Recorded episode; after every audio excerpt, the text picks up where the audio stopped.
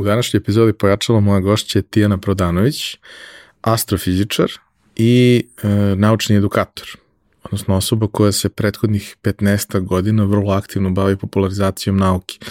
Možda je znate kao Dr. Cosmic Ray sa TikToka ili Instagrama, ili je znate sa možda neke od naučnih e, konferencija i skupova ili skupova koje se bave popularizacijom nauke koji su se održavali u prethodnih deseta godina. Tijena je osoba izuzetno zanimljive biografije i generalno je zabavno i, i, i neobično imati jednog pravog naučnika i, i, i sa naučnikom pričati. Uh, neko ko je davno, kada to baš i nije bilo tako uobičajeno, otišao na doktorske studije u Ameriku na jedan od najboljih fakulteta i cijelo to njeno iskustvo i povratak u Srbiju profesura u oblasti astronomije koja naravno je svima veoma interesantna, ali nije baš nešto što zamišljamo kao nešto što se studira na našim fakultetima, je veoma interesantno i dragoceno. Verujem da će vam ovaj razgovor biti zanimljiv, a ako ste ikad voleli nauku, sigurno uh, će biti nešto što ćete pamtiti, a ako niste, dajte možda malo šansu, postoji razlog zašto Tijanu prate desetine hiljada ljudi na TikToku. Realizaciju ove epizode podržala je kompanija Epson, koja je vodeći proizvođač projektora i štampača za sve namene, od kućne i kancelarijske upotrebe do profesionalnih uređaja koji se koriste od maloprodaje do industrijske proizvodnje. Već 20 godina u nizu proizvode najbolje projektore na svetu, a prvi štampač napravili su pre više od 50 godina. I dan danas svaki godin ulože preko pola milijarde dolara u istraživanje i razvoj novih proizvoda sa fokusom na održivo poslovanje i očuvanje životne sredine. Upravo zahvaljujući tome, njihovi inkjet uređaji najnovije generacije prave 94% manje zagađenja od konkurencije uz maksimalan kvalitet otiska. I vaš mobilni telefon koji sada nosite i na kome nas možda slušate i gledate, najverovatnije je napravio robot koji je stigao iz Epsonove fabrike. Roboti su super. Japanski roboti pogotovo. Za slučaj da želite da nas podržite vi individualno, uh, možete da posetite link u opisu podcasta na platformi Buy Me a Coffee i tu možete kupiti mesečnu pretplatu ili jednokratno donirati neki jednost koji želite. Hvala vam unapred na tom.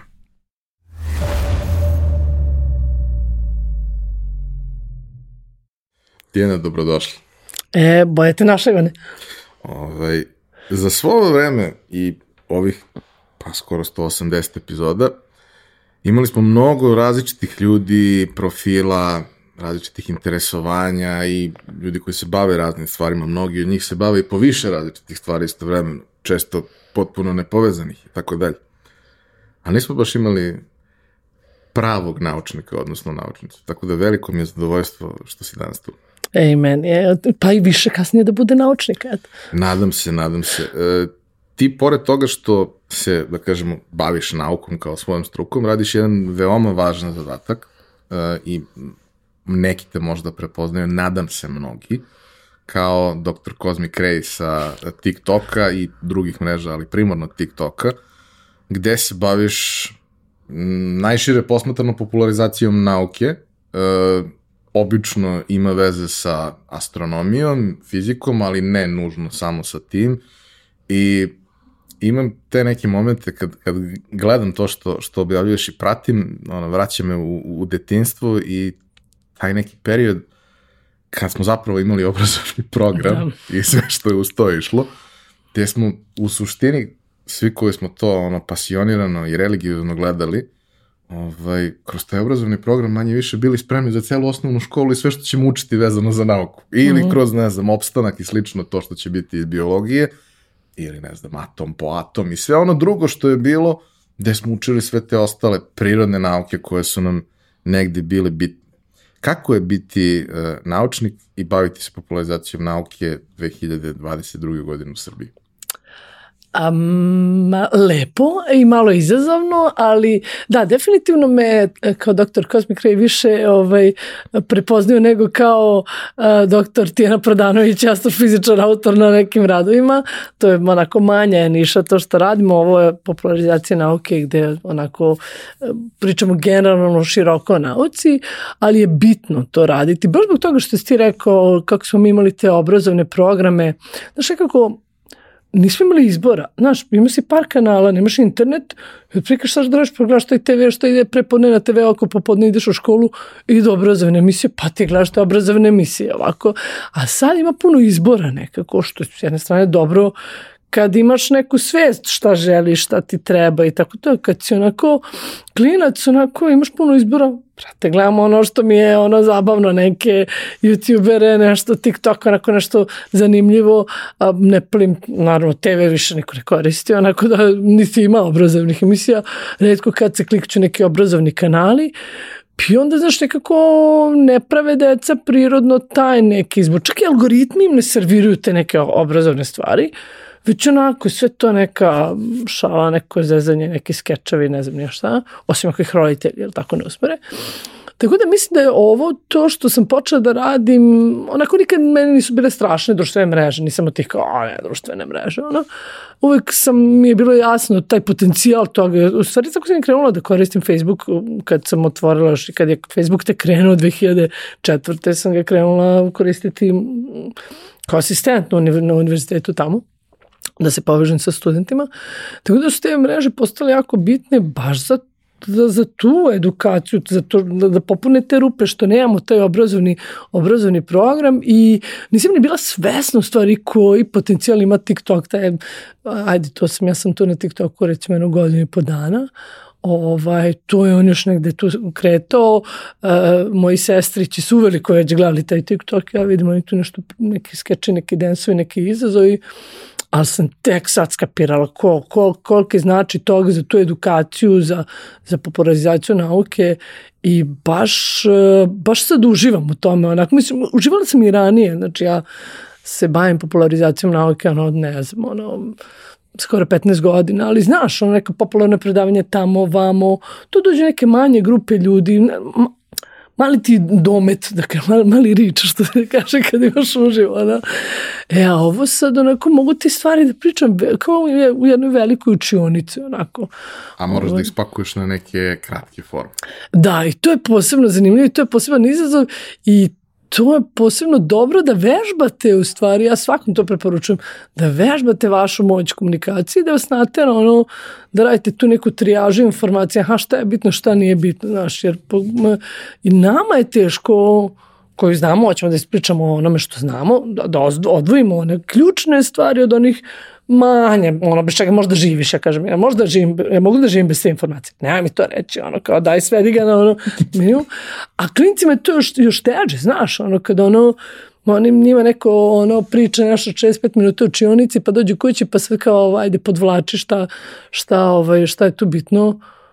Pa oni podvuku čitao knjigu, mislim, znam ja, sam ja čitav isto knjige podvlače, znaš ti, treba ti već neki advanced level i razumevanja teme i komunikacije da, da, da, da, da svedeš tu neku priču u taj minut. I to baš ono, mislim, ja sam puno iz toga ono, naučila i zato svima ono, to preporučam da probaju, zvuči nemoguće, ali moguće.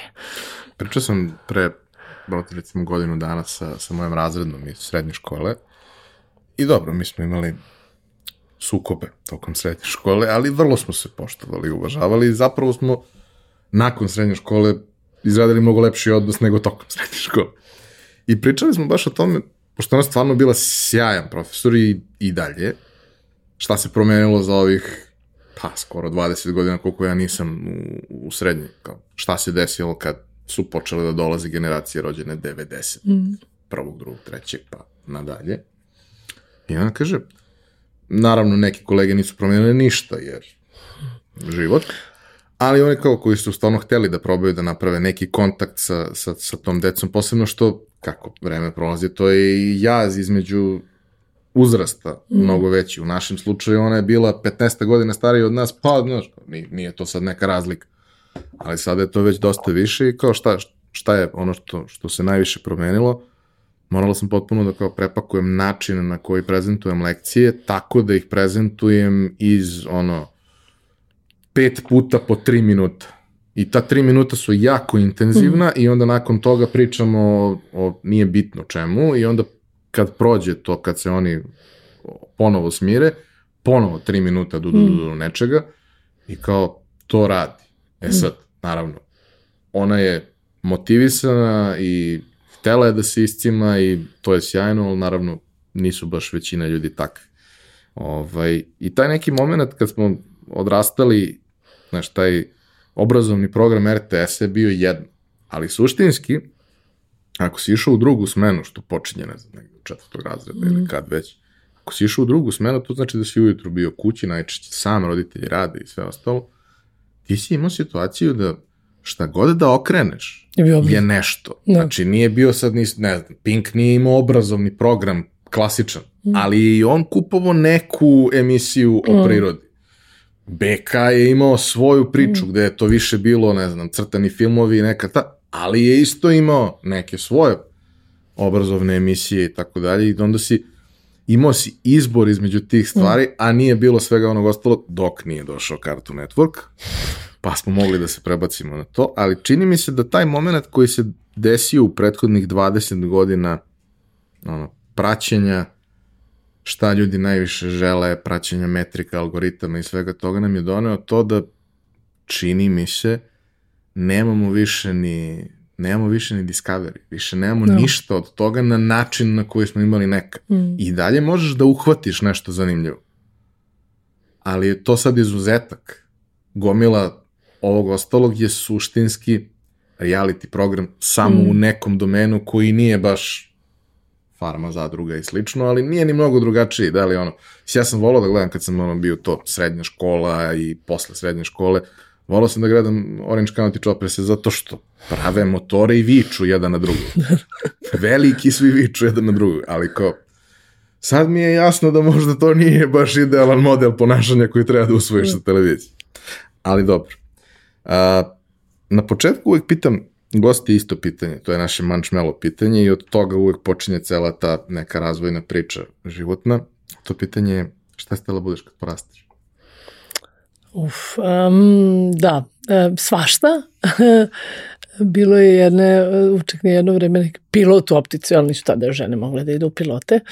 Ovaj, svašta, detektivi naravno, to je bilo standardno onako, volala sam uvijek zagonetke, te, to mi zato taj detektivski, znaš kao Sherlock Holmes sam tada gledala, znaš, sve sam čitala Sherlock Holmesa i tako, znaš kao, i, i rešavala zagonetke u zabavniku i uvek su mi te zagonetke bile zanimljive i onda su me privlačile te neke stvari koje su, znaš, kao ono kao rešavanje nekih zagonetka. Ono, poslije kad sam se već odlučila za profesiju i bavila nečim, onda, znaš, ono, posle serije Dr. House, sad da sam ponovo upisivala bi možda medicinu kao neka diagnostika, znaš, kao zagonetke, daj mi opet neke zagonetke. Ovaj, tako da svašta nešto. Mislim, išle su, nikad mi ono što je jasno, nikad mi nije nedostalo interesovanja. Ok, to je to, stvarno me svašta ovaj, zanimalo, ono, prirodne nauke, dobro, društvene možda ne toliko, ali je, čak mi i to me zanimalo, ovaj, a, muzika, umetno, znaš, svašta nešto. I bišlo mi je okej, okay, nije mi škola nešto, nisam bila neki neko pretrano fan neki učenja, ali onako, uradim što moram, imala sam neki kliker, sednem, naučim, do, dobru koncentraciju imam, sednem, naučim, stučem to, ode mi ono, posle blejem napolju, ovaj, i ocene su mi uglavnom bile dobre, tako da e, svemir sam ukrčila rano, isto da me, da me zanima, ovaj, onako bila, bila je ta emisija Carl Sagana, ovaj Kosmos, jel tako, a, tehnologiji isto bila je tada emisija posle 2000, one, to mi isto bilo super, ono, kad već pričamo o tome, ono, koji obrazovni programi su nas inspirisali, te dve se sećam, i opet ono sećanje, jedno glavno koje isto često pričam, to je ono crtać nedeljom u sedam, znači preko nedelje bio onaj uh, onaj od pet minuta neki kratki su bili crtani, onako kad čekaš s onim znakom, s onim nosom nacrtanim. I nedeljom se čeka duži crtani film od 15 minuta, znaš, nedeljom u 7. I je, i tu, tu tad su pošto ne znam, štrumfove i takve stvari, sve što Tarzan, ono He-Man. E, i onda je došao neki crtani kratko išao nekom slonu koji tako šeta nekom liva, da mi čuje neke glasove tamo i kao, a, kakvi su, kao mi se priviđa, i skonta iz nekog cveta da dolaze ti glasovi i kao šta je tu i onda vidimo, aha, u tom cvetu neki čitav mali svet nekih malih ljudi i neki njihov ljud, ludi mali naučnik koji neki cevi sproveo kroz taj cvet i tamo se dere u to i onda skonto stvari da iza ima nešto drugo, taj slon i onda oni tu krenu da pričaju da to sam kasnije u Americi čula da, da ono skontala da, da je to po nekoj njihovoj čuveni, čuveni neki autor za decu, doktor Sus, ima neki A. serijal knjiga, knjiga Horton Here's the Who, posle ima neki film crtani o tome, uglavnom uh, da, u, poenta svega toga je bilo da oni nisu znali da postoji svet izvan njih. A meni je bilo, čekaj, kako mi znamo da nismo u nekom cvetu u ovom našem svemiru? Kako, kako, kako mi to da znamo? Znaš, ja sam krenula da, da postavljam ta pitanja roditeljima, da ono, čitam knjige, onda Uh, sreće dobra, uh, dobra naučno popularna literatura i tu jako, jako bitna. Uh, Danas to nisu toliko knjige, obično su neki tekstovi online, ali je to značajno. Um, Stephen Hawking koji je odličan, odličan bio i naučni komunikator, po, pored nauke, zna jako lepo da objasni sve te njegove knjige, što, što je malo imalo da se kupi kod nas, prevedeno sam pokupovala Tako da je sve vreme negde to interesovanje za svemir provejavalo, išla u petnicu za astronomiju i tako to, ali kao lomila sam se, bome do kraja, mislim četvrte godine srednje škole sam se lomila šta? Pa možda psihologija, pa možda medicina, pa ono, bilo mi je to svašta nešto opticaju. A, I onda rekao, ma ne, ok, astronomija ipak svemir me, znaš ono, kad se desi situacije da smaram ljude oko sebe, obično sam ih smarala pričam o crnim rupama, otprilike o velikom prasku. I onda kao, da, mislim, realno, ok, interesuje te svašta drugo, ali kad kreneš da daviš okolinu, daviš u svemiru, tako da to je dobar pokazatelj šta, šta treba da radiš, ono, ovaj, da se opremiš da bolje možda daviš ljude oko toga. Ovaj, Tako da, eto, tu je negde pala ta odluka, ovaj, moja odluka, nisu roditelji bili baš previše oduševljeni time, znaš, ono, 97. godina, štaš da jedeš sa astronomijom, kao, ali ovaj, su, su, su ispuštali, bili su onako, aj malo programiranja, aj malo programiranja. Da probar, da zakačiš. Da, da. Pa znaš kako, imali smo ovaj, kompjuter ZX Spectrum, moj prvi kompjuter, ne znam, 86, 7 sam bila, 7, 8 godina. Ovaj, pa onako, on ima neki svoj programski jezik, dobiš knjižicu sa, sa njim, onako i opis tog programskog jezika i onda kako da praviš neke stvari. Onda sam ja pravila tu svoje neke igrice na Spektrumu svoje, onako, ono, najbazičnije igrala te igrice. Onda kad su došli PC-evi, a on smo uzeli neki, da nije bio ni Pentium, 3.8, 4.8 ili tako nešto ali sam nešto tu u tom tinejdžerskom dobu bilo u fazonu, ne, kompjuteri otuđuju svet, neću ja tim da se bavim i ovaj, naš sam bila ovaj, antiprotivna što se, ti, o, što se tiče odnosa pre, prema računarima, tako da sam onako odbila ovaj taj predlog da idem na programiranje što čudan twist of fate, eto sad da se time bavim. Tako. Ima taj moment kad, kad pričaš sa, sa gomilom ljudi koji su na neki način završili u tehnologiji i obično je sad to, da kažemo, IT u nekom obliku, kad pričaš sa njima, kao, prva, šta ste najviše volili kad ste bili klinci, prva stvar je dinosaurusi, druga stvar je nas. Naravno. Da, ne. Ja sam Kevi rekao sa recimo na sedam godina, gledajući opet neki od tih programa na, na RTS-u, ja ću da radim u nas onda ona meni krenula da priča o tome kao da bi, znaš, da bi radio u nas i možda budeš dobar matematičar, fizičar i to sve. I ja sam bio, takmičio se, bio za generacije i sve to. I sad u srednjoj školi već, mislim, prošla me već ideja o tome da ću da radim u nas i skapirao sam da da negde u tom trenutku prelaska između osnovne i srednje sam ja malo pogubio niti sa tim i više mi nije to bilo jasno na, na intuitivnom nivou, nego moraš da mi debelo objasniš to što treba da znam da bi ja mogao da se da dobijem dobru ocenu i sve ostalo. Ali sam u jednom trenutku, pošto je nešto bila sva tužna što ne, neću raditi u nasi i to sve, ja sam rekao, dobro, na valjda u nasi neko i ko treba da čisti.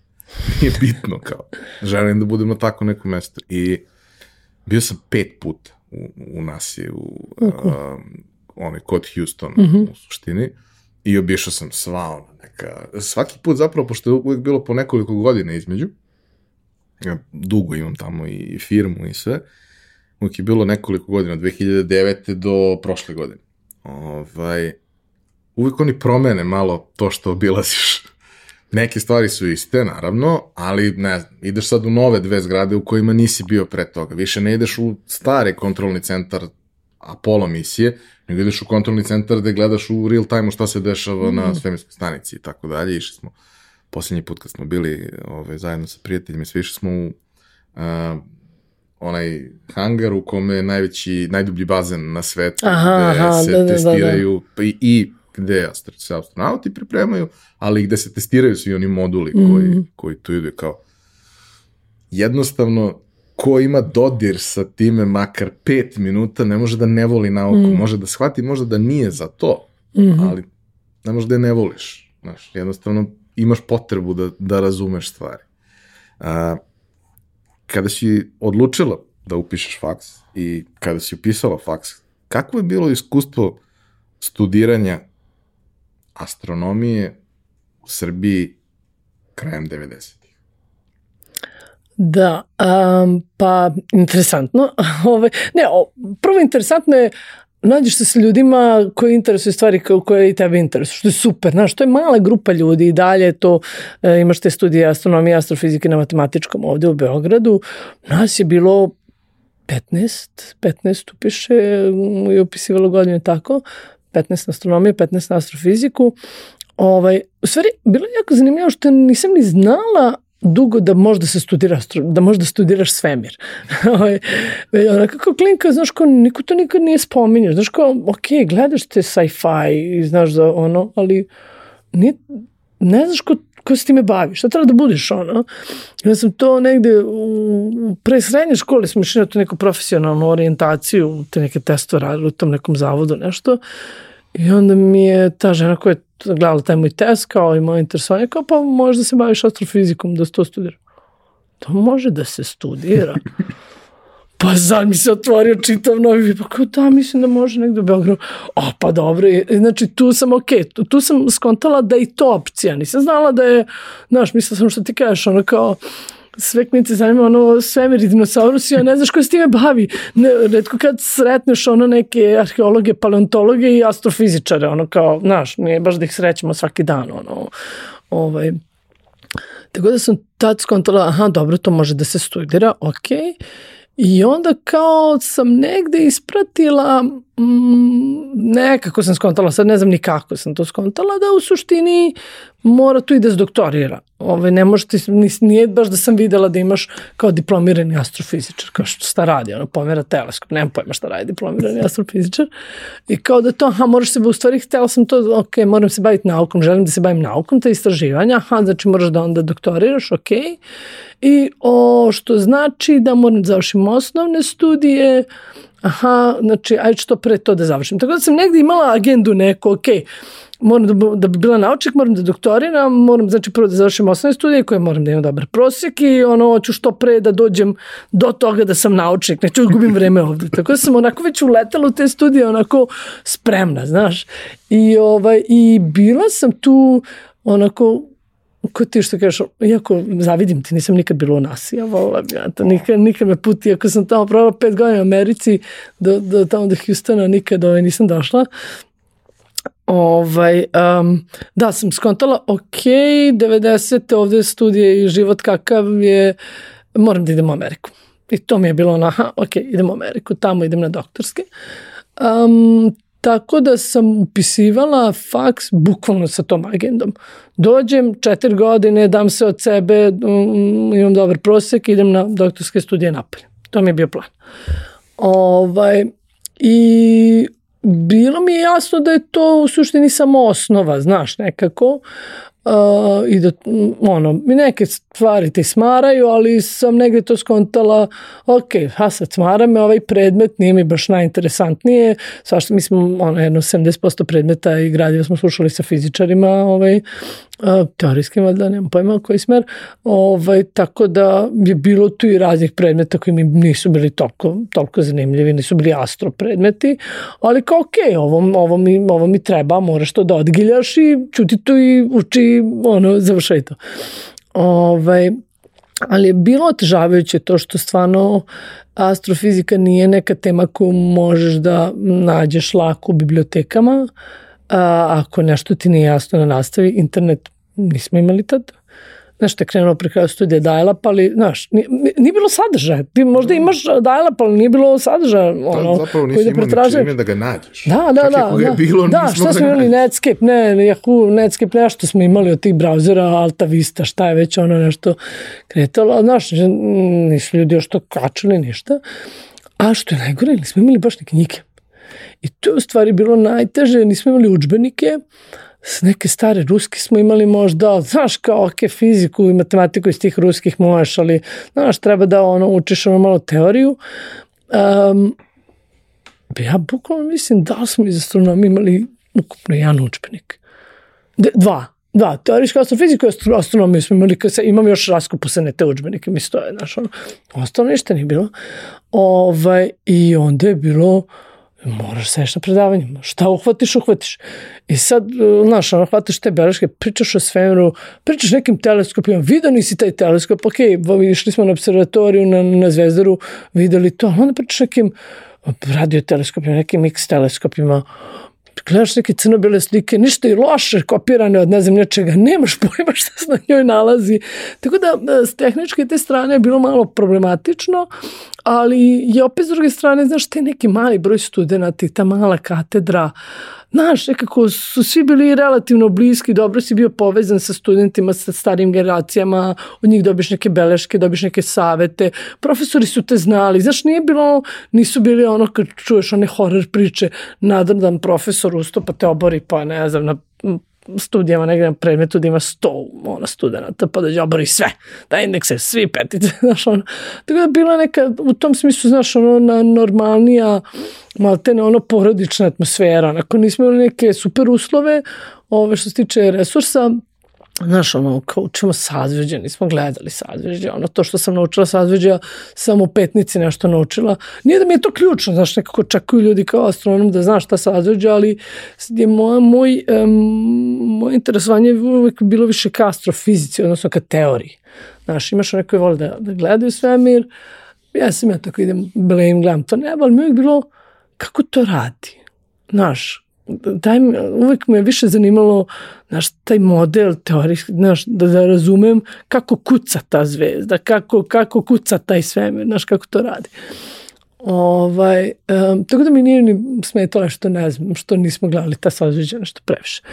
Ali jeste u tom smislu bilo izazov, izazovno što se tiče resursa i tada još nije bio taj sistem Bolonje, Tako da su studije znali da traju dugo, ok, on četiri godine, ali svi su nešto studirali, ono sto godina, pa magistarski rad, pa doktorski rad, pa kad čujem koliko oni to sve po 10 godina, rekao, čeče bre, dok dođem do nauke, imaću 45 godina, kao, znaš, i to mi je bilo, tu sam skontrola, ok, neću tako, znači idem napolje, ne zato što nešto sam tela, ono, posebno nešto da emigriram ili tako nešto, već mi više bilo, aha, tamo ima više opcija na studijama, na doktoratu možeš više stvari da biraš, da biraš nešto što neko drugi radi i mi je bilo jasno da imaju bolje uslove.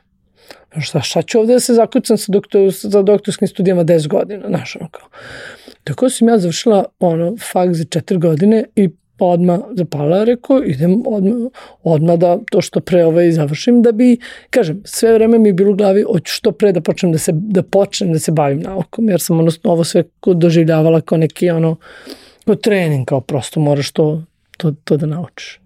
A kako je uopšte bilo u tom trenutku, takvoj celoj situaciji, kako je uopšte bilo naći priliku za studiranje u, u Americi? Kako je uopšte bilo stupiti Aha. u kontakt sa svima njima, znaš, napraviti neku vrstu kontakta, sad je to relativno jednostavno i svako može da nađe neko rešenje sebi tamo, naravno, ako je zaista fantastične rezultate ima, onda mm. može da gađe neke vrhunske univerzitete i tako dalje, ali čak i ako nije, ima dovoljno univerziteta da ima za svakog neko rešenje mm. da, da ode tamo ukoliko želi ili u Evropu ili, ili, ili u Ameriku.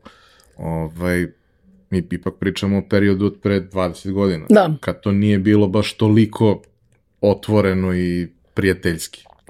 Da, jeste, tu si u pravu, znači nije bilo u tom smislu trivialno, jer kažete, nije bila ta bolonja, bolonja danas omogućava tu mobilnost lako, znaš, da studenti mogu u, u, unutar Evrope, da prosto ti se diploma priznaje, i da možeš da ideš i na razminu godinu dana i odmah na nekim master u i tako, dok e, tada Evropa nije priznavala naše diplome, znači moraš da nostrifikuješ, um, nisi mogao da ideš na magistarske studije uh, iz, sa diplomom iz Srbije, znači znam za moje oblasti, ne, ne, ne znam za, za druge oblasti, već mogu se da ideš na doktorske studije, što je podrazumelo da moraš prvo magistraturu da uradiš u Srbiji.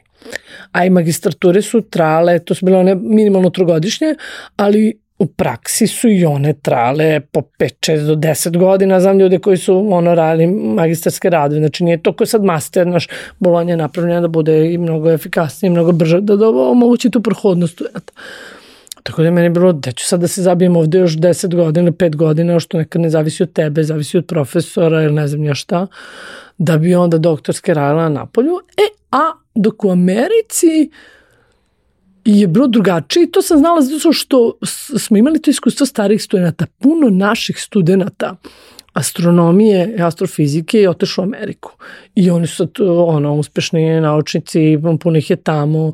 Tako da smo imali njihove priče i čuli smo od njih aha, kako, kako, kako, kako se odlazi tamo i bilo je jasno da, ok, Amerikanci ti ne traže nostrifikaciju, zato što u Americi na postdiplomskim studijama suštinski ti polažeš prijemni ispit Znači, ovde kod nas i u Evropi ne, imaš ono prosek, ima konkurs pa se prijaviš, a tamo se polaže taj prijemni ispit, tako da u suštini njima dođe im i sve jedno. Znaš, ono kao, ok, moraju da znaju tvoje ocene, da su ti dobre, mada, znaš, ti kad njima kažeš, imaš desetku iz neke Srbije, Misliš, šta on zna je kod tebe, ono, ni program, ni kakvi su kriterijumi.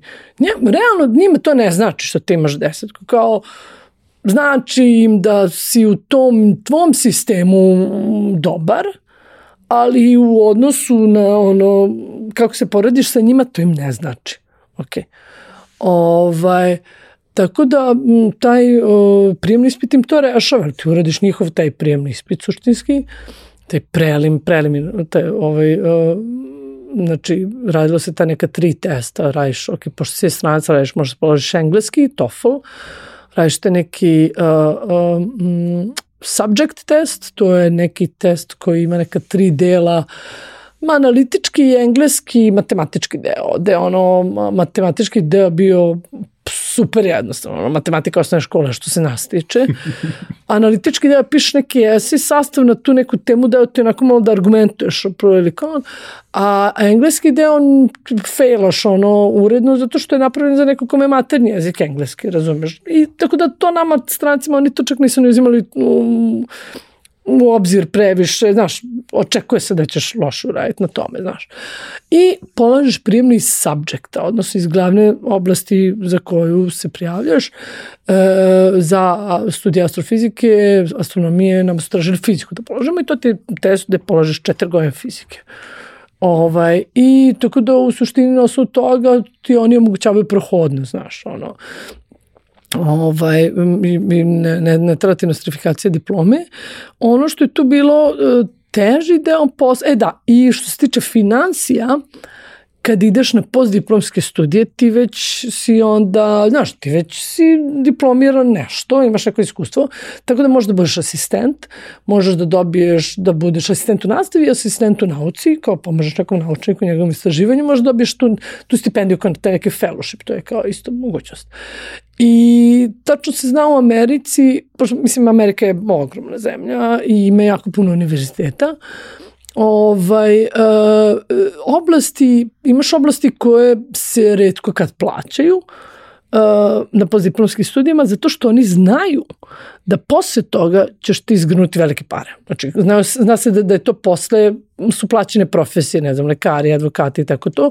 Tako da nemaju puno opcija na postdiplomskim da te plaćaju, očekuju da ćeš uzeti neki loan, neki kredit, imaju možda jednu, dve stipendije baš za one top, a ostali svi parola snađite se jer posle ćete imati pare pa ćete vratiti te dugove. Neke oblasti su slabije plaćene na postdiplomskim, recimo znam e, prijatelje koji su i na jezicima tamo bili na, na postdiplomskim, dok je onako astronomija solidna, onako imali smo platu od koje smo mogli da, da, da živimo, ne plaćaš onda e, ovaj, e, to je plaćaš suštinski, ti odmah uzmu pola ovaj, za, za, za tuition, za, za, za školarinu, ali kažem ti, dobiješ full platu od koje živiš, platiš stan, platiš uh, račune i ono, za neko ko je iz Srbije tada, ja sam tad kad sam odlazila, moja plata je bila plata, mislim, radila sam po kafićima i diskotekama, ono sve vreme studija, 50 dolara mesečno, ja odjednom tamo dolazim, dobijam 1200 dolara mesečno. Brate, široko, sve može, odmah kupi električnu gitaru, ono. Ove, ovaj, m, tako da, znaš, to, od toga je moglo da se živi, pogotovo u nekom malo manje mesto, znaš, ako studiraš u nekom velikom mestu, tu skuplja život, to manje nije. E, tako da i to je bilo okej, okay, I, e, znači, čuli smo sve to, smo znali od starih, od kolega i sad glavna je fora bila gde se ja da radim taj prijemni, ja moram da idem u Ameriku da radim taj prijemni, ne. Uh, imaš remote da uradiš na, i to se radilo jednom godišnje negde u Beogradu, neka firma je radila ono, hosting tih testova, polažeš taj engleski, po, polažeš taj subject i, polažeš, i onda se to šalje tamo njima poštom i taj rezultat i na univerzitete na koje hoćeš se šalje taj rezultat, znači ti testovi su uvek rade negde van, ne na tim univerzitetima, već su oni standardizovani bukvalno za, za celu zemlju i onda je, to procedura na osnovu toga te, na osnovu toga te izaberu.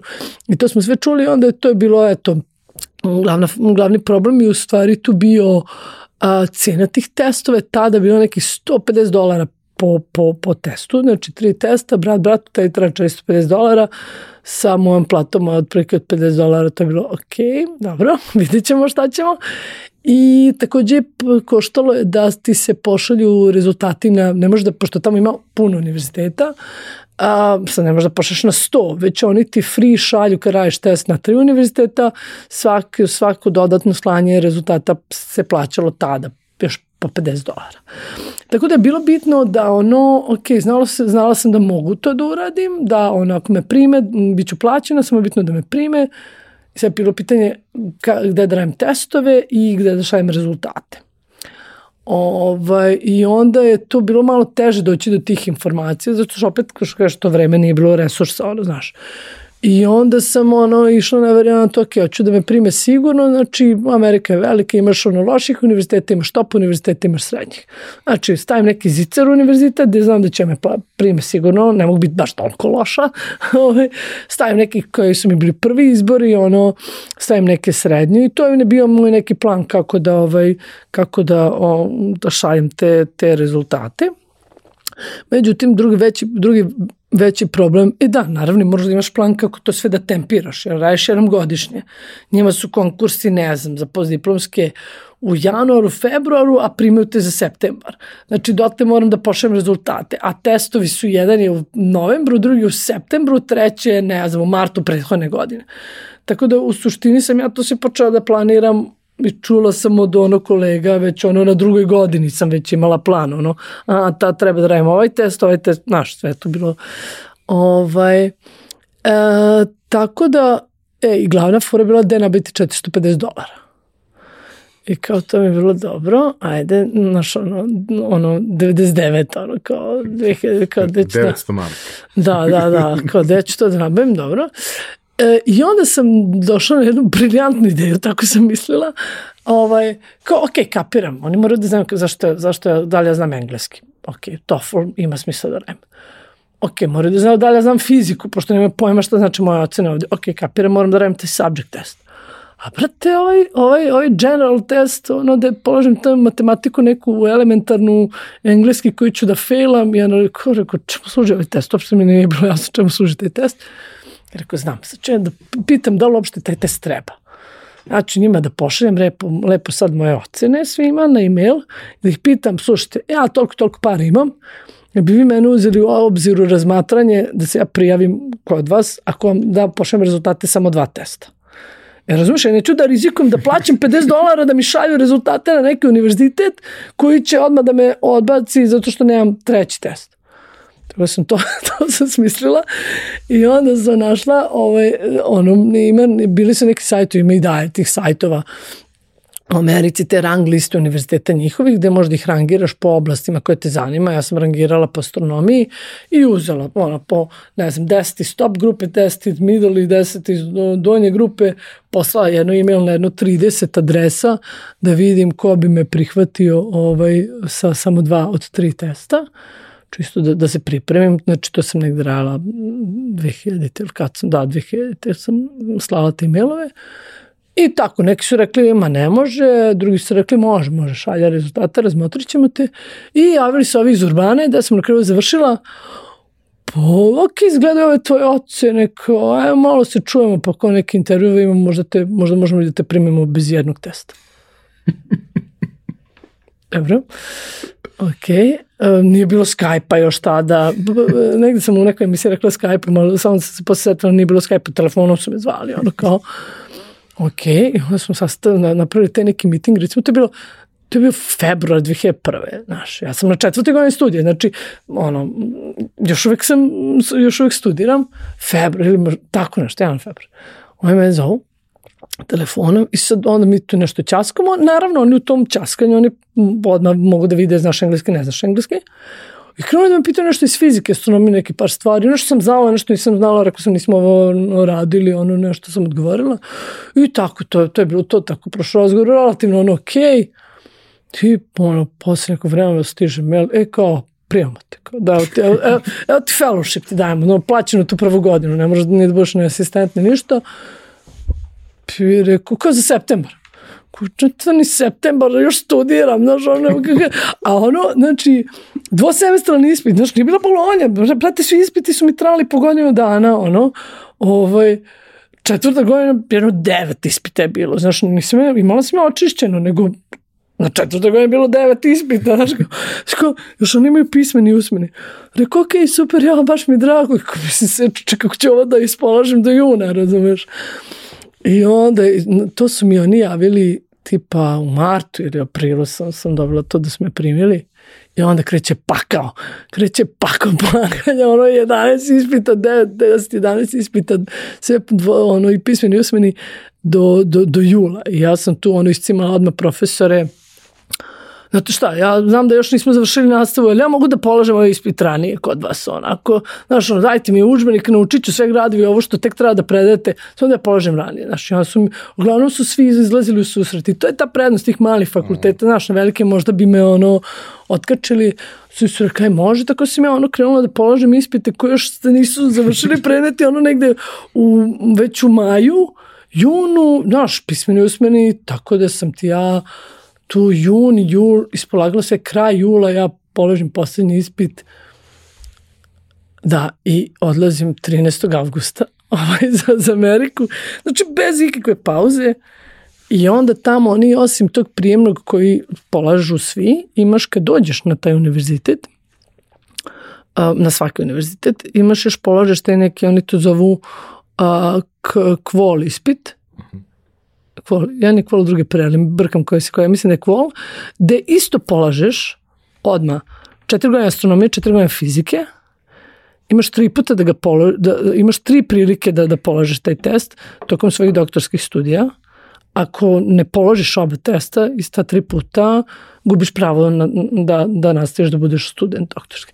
Znači, nulti put je odmah čim sam došla stigla tamo, sede, odmah uči sve to, suštinski kod da sam se za te prve testove spremala i položim ta oba iz cuga i eto, tako je. By the way, na kraju sam bila, sam upisala tada te studije, bilo je nas 11 studenta, ja sam bila jedina koja je stranac, bilo je 10 amerikanaca pored mene, a, I jedina sam na kraju doktorirala od svih njih, oni su na kraju negde otpali, neko nije položio te testove, neko je otpao iz drugih razloga. I posle sam mi je rekao taj stari, kolege su mi pričali, ti stari profesori kao, kao kako su me primili, kao javila nam se ova kao, o ja rekao, I have a good feeling, znaš, kao, kao.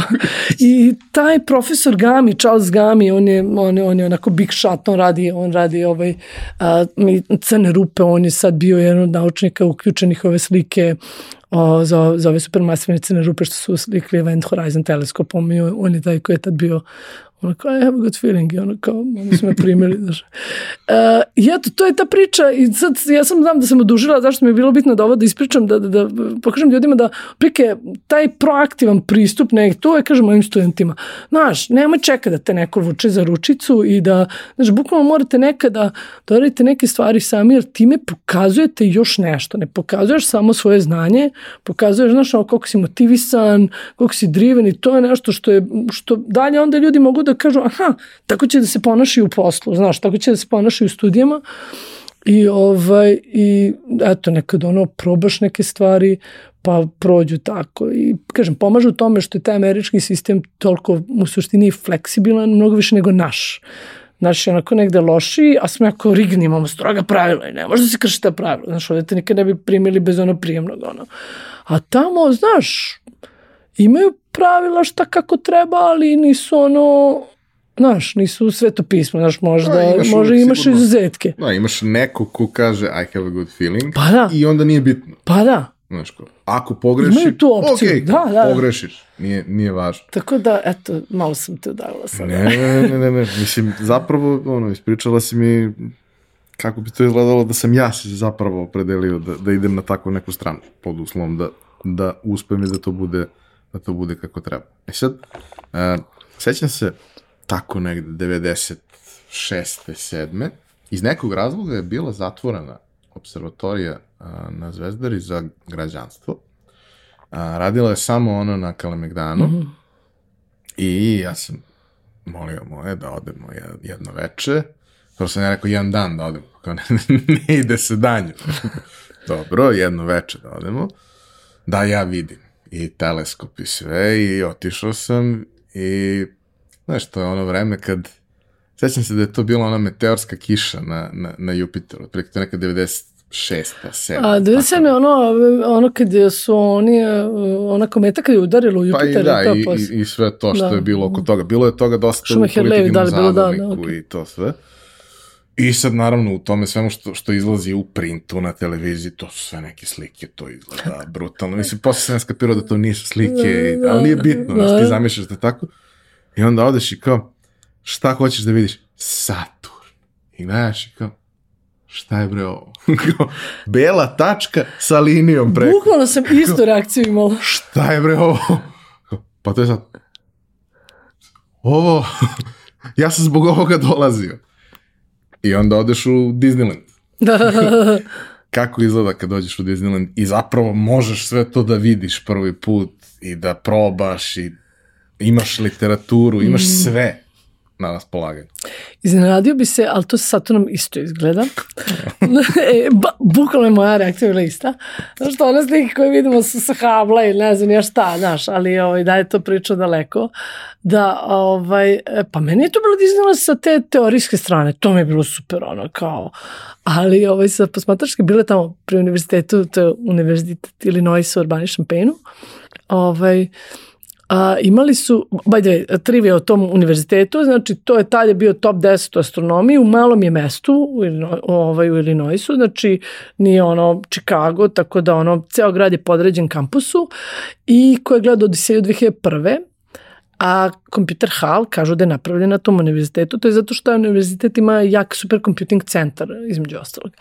E, a imaju jednu malu observatoriju, koja mi sad već zaštićena kao spomenik i onda smo mi kao o, malo observatorij, mislim, ono kao, znaš, imaš teleskop koji je onako ogroman izgleda, koji kad, no, mislim, cevo 5 metara i kupola i ti tu nešto radiš sa tim. To su oni stari reflektori koji sočivaš koristi, nisu onako kratki koji sad danas koriste ogledala, već ti dugački onako. Ovaj, I mislim se, mislim, viđala sam i kod nas na observatoriji na Zvezdari su nas vodili da vidimo, ali znaš, nismo baš to smeli da, da, da, da diramo. Da. Sad jednom sam ja asistent, treba to da pokazujem to studentima uh, posmatranja s tim teleskopom. Dobro, okej, okay, može. Rekao, daj da providim taj Saturn, znaš kao. Šta je bre ovo? E, krug malo već sušima, kao što. I, ka, I onda bukvalno pričam s kolegom, da, bukvalno se dele ljudi na te dve grupe. Ono kao, na grupu koja je kao, wow, i na grupu koja, šta, šta je ovo neka taška, zvučimo bez veze. Tako da nešto mi to nije bilo impresivno. Tu gledaš te slike svemira koje su, naš, ono, veštačke obojene, pa veliko, pa ne znam ja šta, nekim drugim teleskopima snimano. Ali ovaj, tako da to sam držala sam uredno te vežbe i tako na to teleskopu, ali nije me taj deo, taj deo posla za rada s teleskopom, taj posmatrački deo me nikad nije toliko toliko ovaj, uh, ovaj, fascinirao. Mislim, ima to svoje, svoje čar, ima gomno kolega posmatrača, znaš, ono, imaš te teleskopa na egzotičnim mestima, znaš, ono, Havajima, pa ne znam, na nekim planinima, uvek to neki planinčuge, negde si negde izolovano, znaš, putuje se, imaš neke lepa mesta i tako, ono, zato si remote, mislim, sad više ne moraš ni da ideš nigde remote, ono, sve, sve onako, imaš te virtualne observatorije, povežeš se digitalno, sve se pomeri nekim motorima, sve se usmeri, ti samo se uloguješ od prilike, ali me, kaž, mene uvek tako to e, me više interesovalo ta, ta teorija. I recimo put ono u Fermilab, Fermilab koji je u, kod Čikaga, akcelerator je tamo gomlu čestice tamo otkriveno, to je meni bio Disneyland, znaš, ono kao, ne, tad još nije CERN radio ovako, znači Fermi je bio i to je meni bilo ono, ono glavno, to je put na te detektore čestica.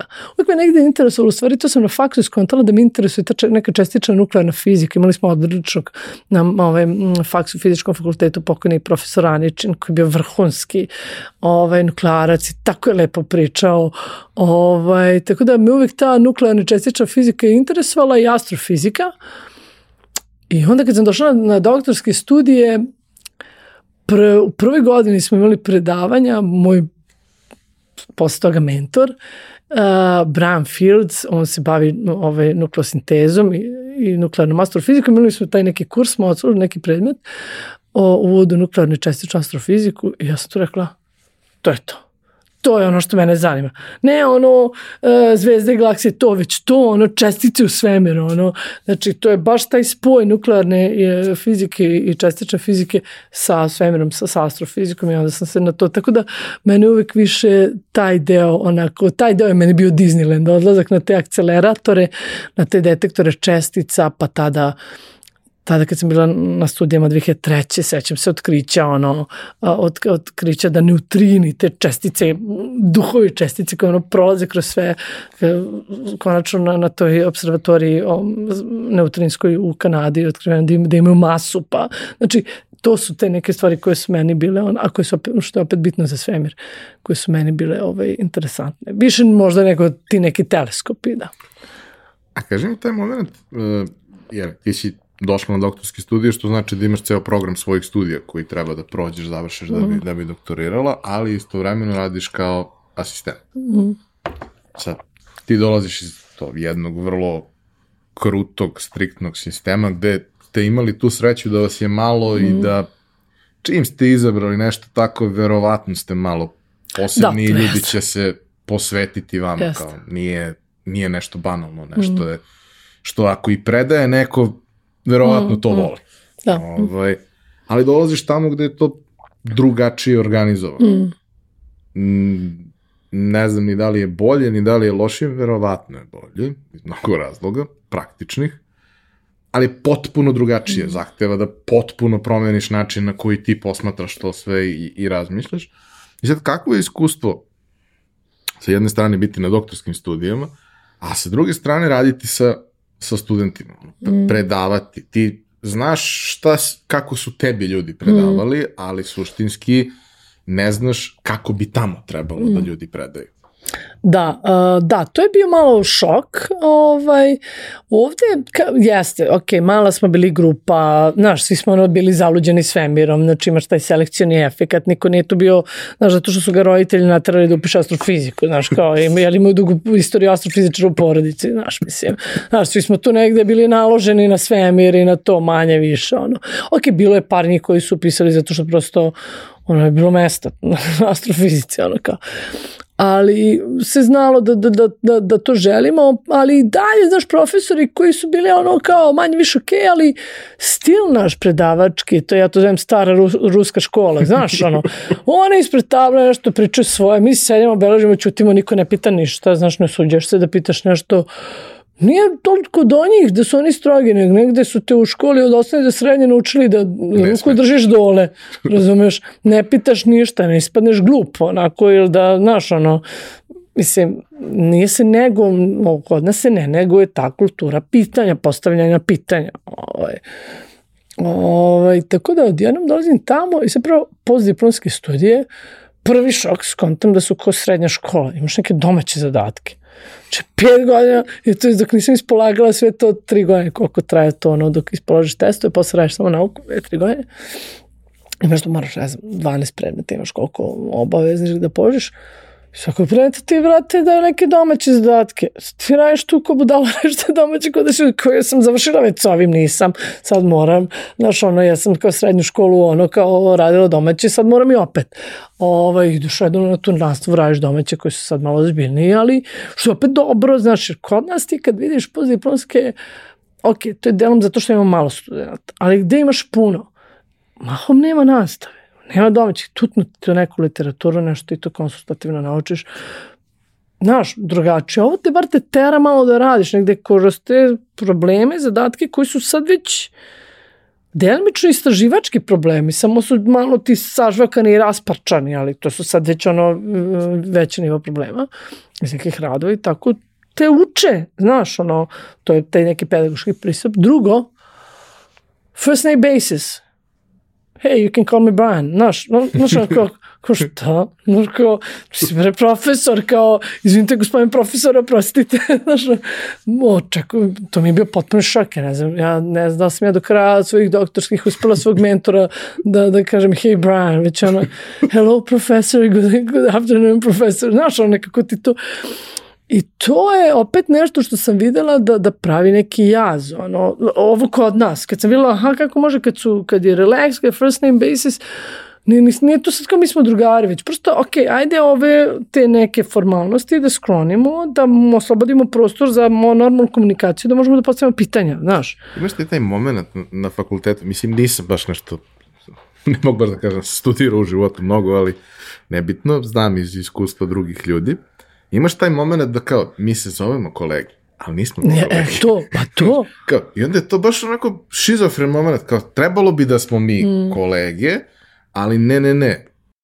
Ti se ništa ne da. pitaš i ono, tvoje mišljenje se principu je neželjeno u svakom trenutku. To jeste tačno i to je u stvari jedan od velikih problema kod nas na fakultetima i kasnije kad ljudi doktoriraju, kad rade na fakultetima, I to je i loša strana zašto ja uvek kažem ne treba nikada da ostaneš na fakultetu da si završio ove studije i doktorske, jer prosto te uvek gledaju kao nekog studenta koji jeste kolege, a znaš, taj koji ti je bio profesor uvek će te gledati kao neku, nekog ono, ko treba stvari da odgilja neke stvari za njega, jer si ti nekad bio student njegov, znaš, kao, a ne uvažavate to kao kolegu. A gde, znaš, ono, na zapadu Americi je to normalno, ti se prvo te zaista tretiraju kao kolegu, a drugo, znaš, i kad promeniš instituciju, znaš, niko ti nije bio profesor, to, to ste na, na, na istom nivou. Tako da, da, to mi je baš bio šok i to mi je baš dugo trebalo da, da, da se naviknem na to, ali sam odmah skapirala, aha, značaj toga je u tome da, znaš, da, da premostiš taj jaz da bi mogli bolje da radite i da, da se izazivate, da postavite jednom, jedno drugom pitanje, jer u stvari tako, tako nauka funkcioniše. I naravno, kad sam onda odabrala šta ću da radim za doktorat, ovaj, e, mi je bilo e, šokantno da to što je mentora, da ne znači da sam ja njegov potrčko. Što je recimo kod nas sasvim normalno da studenti doktorske studija su ti ono od kafe kuvarice do ono, znaš, mislim, na gomilu univerziteta, to je dežurni neko ko ti je asistent za sve, onako, personalni asistent do ono, znaš, ono, asistent u nastavi. Što opet nešto što je, što je ovde kod nas jako loše, a tamo, ne, ne, ne, tvoj jedini posao je da radiš svoje istraživanje. Kao, to je to i no, ok, ako si asistent u nastavi, da, da odreš tu nastavu. Znači, to je što se tiče uloge ovaj, doktoranta. Ok, to je kako, je, kako izgledaju doktorski studiji. A kako izgleda sad kad treba da pređeš u druge cipele i da radiš sa studentima koji još uvek, mislim, nisu neko ko je došao tu sa predznanjem s kojim su mm. ti došli i tako dalje, nego prolazi kroz njihov sistem od nule i sad potpuno su drugačiji modeli mm. ponašanja. Mm. I ono što je norma i ono što je negde, kažemo, navik kako se ljudi ponašaju kroz, kroz ceo sistem. Da, e, ima tu razlika, znači, ok, da, to što kažeš, naši asistenti su predavali nama, studentima astronomije. Imamo, ono, za to se obučavamo. A tamo je taj sistem obrazovan tako da oni imaju te izborne predmete i da, ovaj, recimo astronomija, što kaže, dinosaurus i svemir, ono, ljudi često iz društvenih nauka imaju, kad imaju obavezu da taj, šta god da im je major, engleski biznis, nešto nebitno, I imaju obavezu da ne znam, uzme jedan predmet iz nauka prirodnih ili jedan, ono, sa računanjem predmet.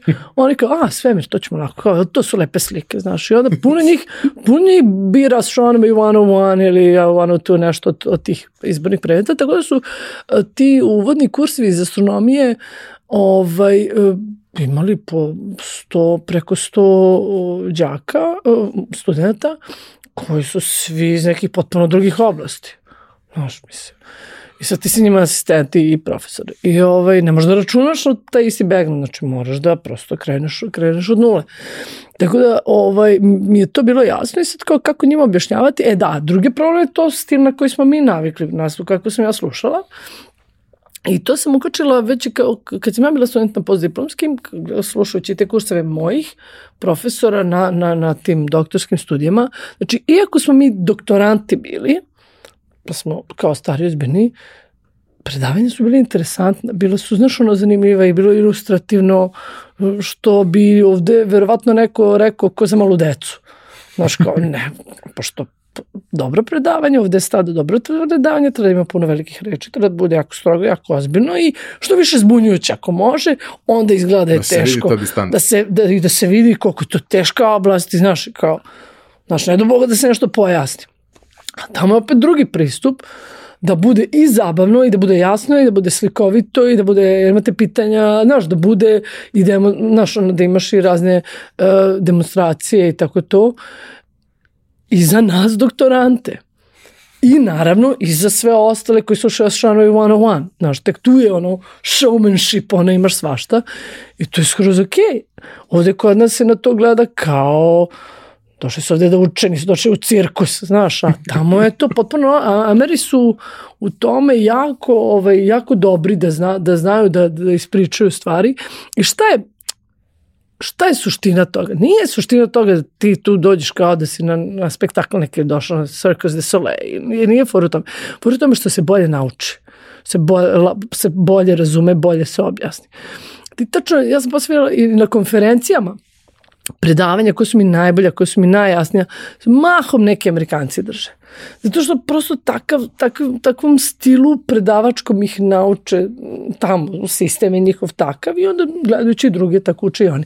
Tako da sam ja gledala mog mentora koji je ovaj, e, bio odličan, još uvijek je odličan je predavač i druge profesore, ali Brian je baš onako odličan i onda sam gledala kako oni drže nastavu nama, kako on drže nastavu tim na Astronomy 101, ja sam mu tad bila asistent, i onda sam kupila te fore i gledala sam ono, aha, okej, okay, kako on objašnja kako bi ja mogla u tom stilu da objasnim. Odjednom je to postalo dozvoljeno da tako objašnjavam. Znaš, da sam to radila ovde, bilo bi kao što radiš.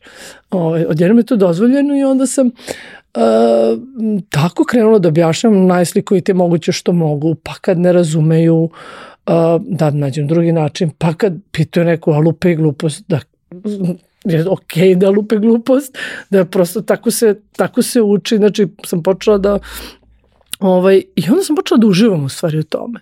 Jer onako, uh, ono što sam mislila dok sam bila student ovde, je da želim da se bavim naukom i samo naukom, da želim da budem naučnik, ne želim da budem profesor. Kao, to mi nema ništa, to mi nema ništa u tome za mene. Šta, samo da ponavljam jedno isto gradivo svima, hoću ja da učim nešto novo, hoću ja da rastem i to mogu samo kao naučnik.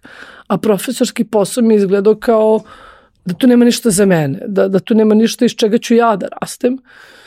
I onda sam tek na tim pozitivima, tek kad sam počela da budem asistent, da, da radim taj posao, sam skontala koliko tu ima za mene stvari. Tek kad sam ja morala nekom ko apsolutno ne zna ništa, ko je došao sa major studija engleskog, da sluša astronomiju, da objašnjam im plimu i osiku kako radi, i gravitaciju, da uzmemo naj, najbanalnije, da moram da im objasnim, znači, se oni prosto nisu sretali sa tim, da ne odbacujem to kao, ma, ovaj je glup, razumeš? Već ne, moj posao, ja njima to da objasnim, kako god znam imam tek tu sam onda ja počela da shvatam recimo da ja neke stvari ne razumem dovoljno na onom fundamentalnom nivou, onda sam ja počela sebi da ih objašnjavam i počela sam ja da učim i, ne, i postala sam i bolji predavač i bolje da objašnjavam, ali sam ja postala i bolji fizičar i bolji naučnik sam iz toga izašla, zato što sam ja bolje sebi objasnila onda te neke stvari.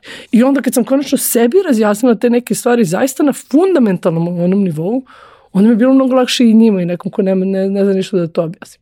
Jer prosto mi u nekoj profesiji se toliko sa nekim terminima saživimo. Ok, ima i to, dok smo ovde studenti, ne da Bog da nešto kažeš, da ne razumeš i da pitaš kao, bože, znaš, kao, kako to ne razumeš? A, brate, ne razumemo, no? To je nekako sramota da kažeš da ne razumeš. Ovaj, A drugo i, znaš, toliko puta čuješ neki termin, možda ga ne razumeš suštinski, ali prosto na, znaš gde se koristi, znaš čemu služi, otprilike, nekako se saživiš da je taj termin tu i ono, ta fizička veličina da je to, a ne razumeš u suštini, suštini o, ne razumeš tu suštinu. Tako da sam tek tada zavolela predavački posao radići u stvari kao asistent u Americi i kupeći te njihove fore kako ne rade što mi je leglo skroz jer to je zaista dobar način da se uči po meni i par puta su me birali tu za, za najboljeg asistenta i tako to, tako da ovaj, Ovaj, da, to je baš bilo jedno sjajno iskustvo, iako, kažem, kulturološki potpuno drugačije, dru, druga oblast, ali baš i za mene bilo, što kaže, vrlo, vrlo rewarding, ono, i da naučim bolje da predajemo i da sama naučim i bolje ovu materiju.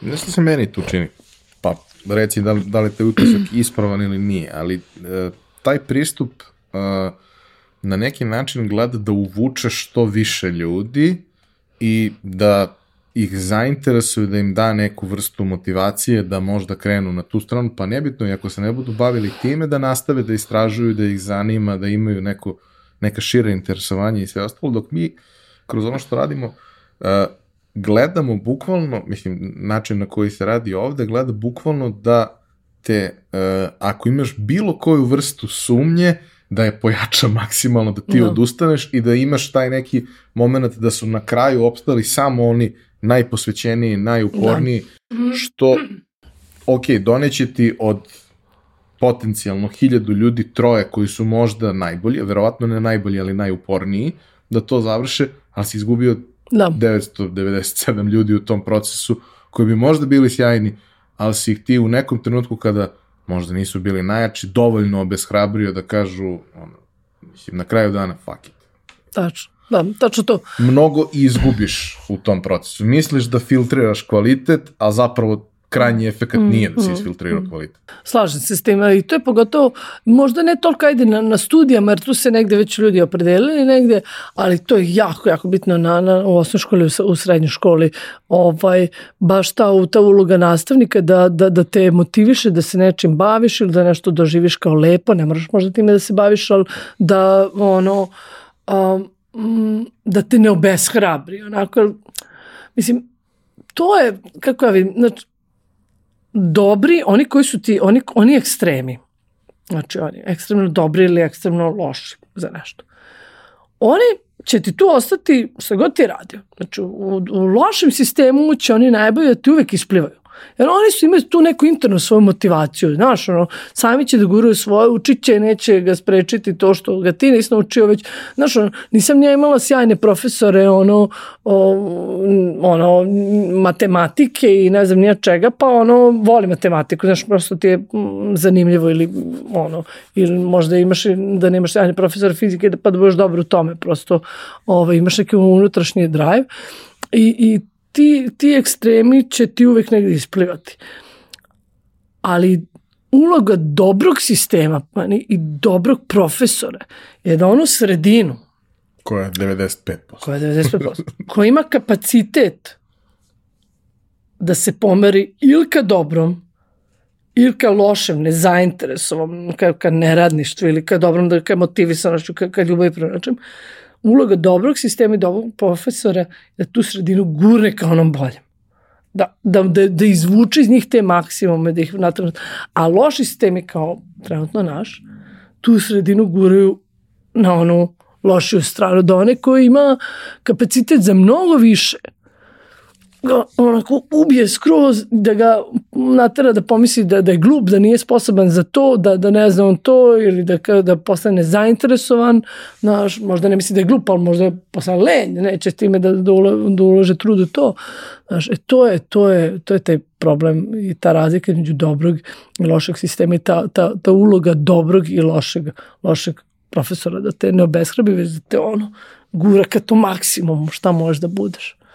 Kaži mi, taj moment kad si ti završila taj deo uh, studiranja na, na doktorskim i kad je trebalo da radiš rad i sve to, uh, to je opet nešto što znaš, ljudi koji nisu prolazili kroz tako nešto misle dobro, kao to je da sad ti imaš nešto, ispit neki nešto i to se završi neko. To je proces koji opet traje neko vreme, vrlo kompleksan, vrlo zahtevan i ti svo to znanje koje si skupila sada za neku konkretnu temu treba da usmeriš. Šta je bio tvoj doktorski rad? A, da, a, pa ja sam se bavila, ja sam sad će ljudi da ove reaguju popularnom temom litijuma. oh, nice. a, da, a, litijum je jedan od tih prvih elemenata koji nastaju u svemiru, da, primordijalni litijum, to su ti primordijalni elementi koji su nastali u velikom prasku, znači vodonik, a, helium i nešto malo litijuma. I kasnije od tih elemenata, to, to su bili prvi sastojci za, za zvezde. I tek onda kad su zvezde nastale su one napravile ostale te, te, te već elemente. Već tad su trebale baterije. Da, već, već tad, da. da. Tako da, evo, ovaj litijum što ga imate u baterijama, ono, 10% toga je nastalo u velikom prasku, tako da, ono, koliko je to cool.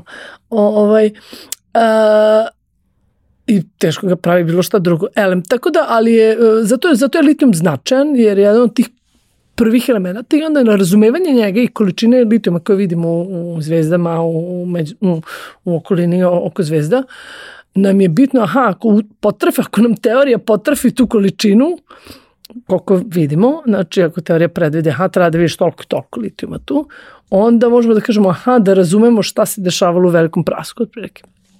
E, tu se javio neki problem, nešto količina litijuma, koliko vidimo, a, odstupa, ovaj, vidimo manje nego što predviđamo da treba da bude. I tako da je moja tema bila ti problemi tog litijuma izotopa i 6 i 7 dve verzije litijuma, pa kao šta možda pogorša problem, šta možda bude rešenje, tako da sam se ovaj time bavila. I sve to vezano za tu nuklearnu čestičnu astrofiziku, zato što u stvari uh, kosmičko zračenje, znači čestice koje uh, idu kroz svemir, pljušte po nama i među ostalo kad se sudaraju sa gasom u svemiru, one prave ta, taj litijum. Tako da, eto, moj fokus doktorata je bio taj litijum, ali uloga tih čestica i to kosmičko zračenje je nešto što mi je otprilike glavna tema posle isto bila i u, u daljim istraživanjima i tako, eto. I kada si završila rad, kada si završila doktorske studije, šta onda? A, šta onda, veliko pitanje. Mm, Pa da, i opet tu je neka moja priča dobro neki neočekivani, da kažem, obrt. Uh, negde kad sam bila mlađa sam mislila, ok, ja ideš na postdiplomsku Ameriku, tamo održi doktorat i onda se baviš samo naukom, u nas ili negde, šta ja znam. I, uh, i opet uh, otešla sam tamo 2001. E, te iste 2000, znači došla sam tamo recimo 13. avgusta 2001. i 11. Avgust, 11. septembra se desio 9-11. 9-11.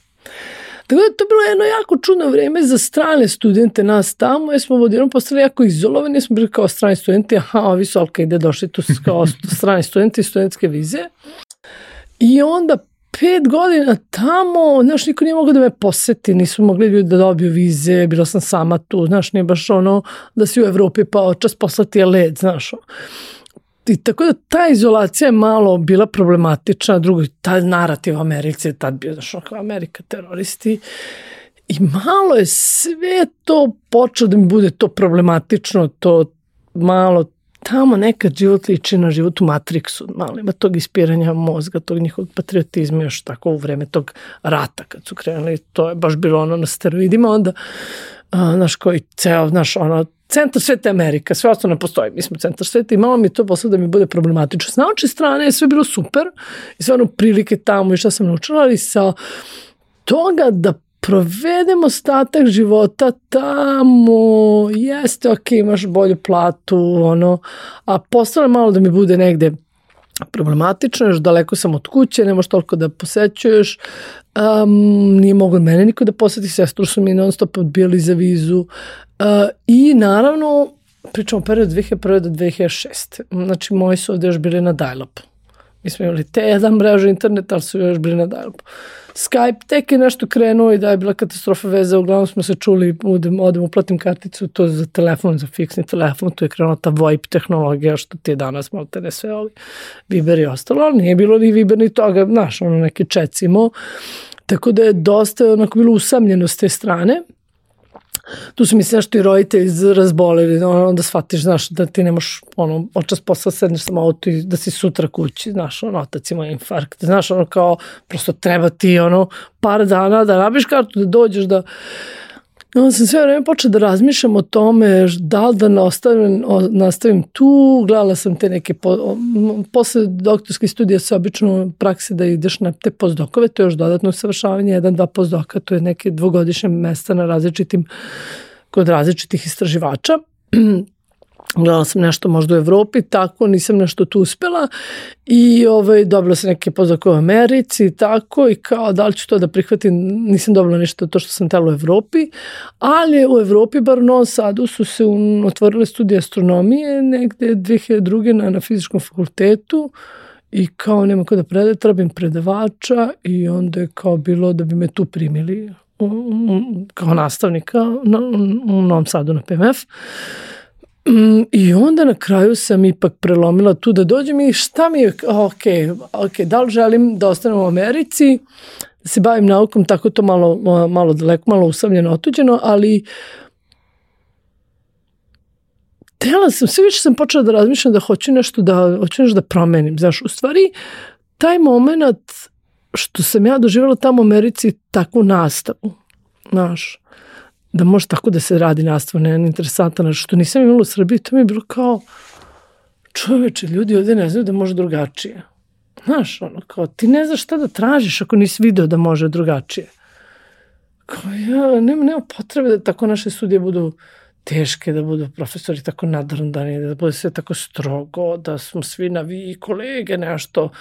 Znaš, možda radiš mnogo zanimljivije, mnogo opuštenije, a bez da izgubiš ikakav autoritet. Mislim, ne dobiš autoritet tim titulama. U Americi nije uopšte, znaš, najveća faca koja ti dođe da ti održi neko predavanje, tamo dođe u šorcu majici, ti održi ono kao neka majica, nekog rock band starog pohabana, ono, čovjek ono, ono, pred Nobelovom nagradom, znaš, ono, zašto nije autoritet u aroganciji, u stavu, u sujeti, u formi bukvalno, mislim, najveće face, ono, držala sam predavanje pred Nobelovcima, ono, ja, ono, ono, ću da se nesvestim, ono, od straha, on ček, čikica najnormalnije, ono, je kao super, bilo, znaš, ono, potpuno skroman, ono, znaš, kao,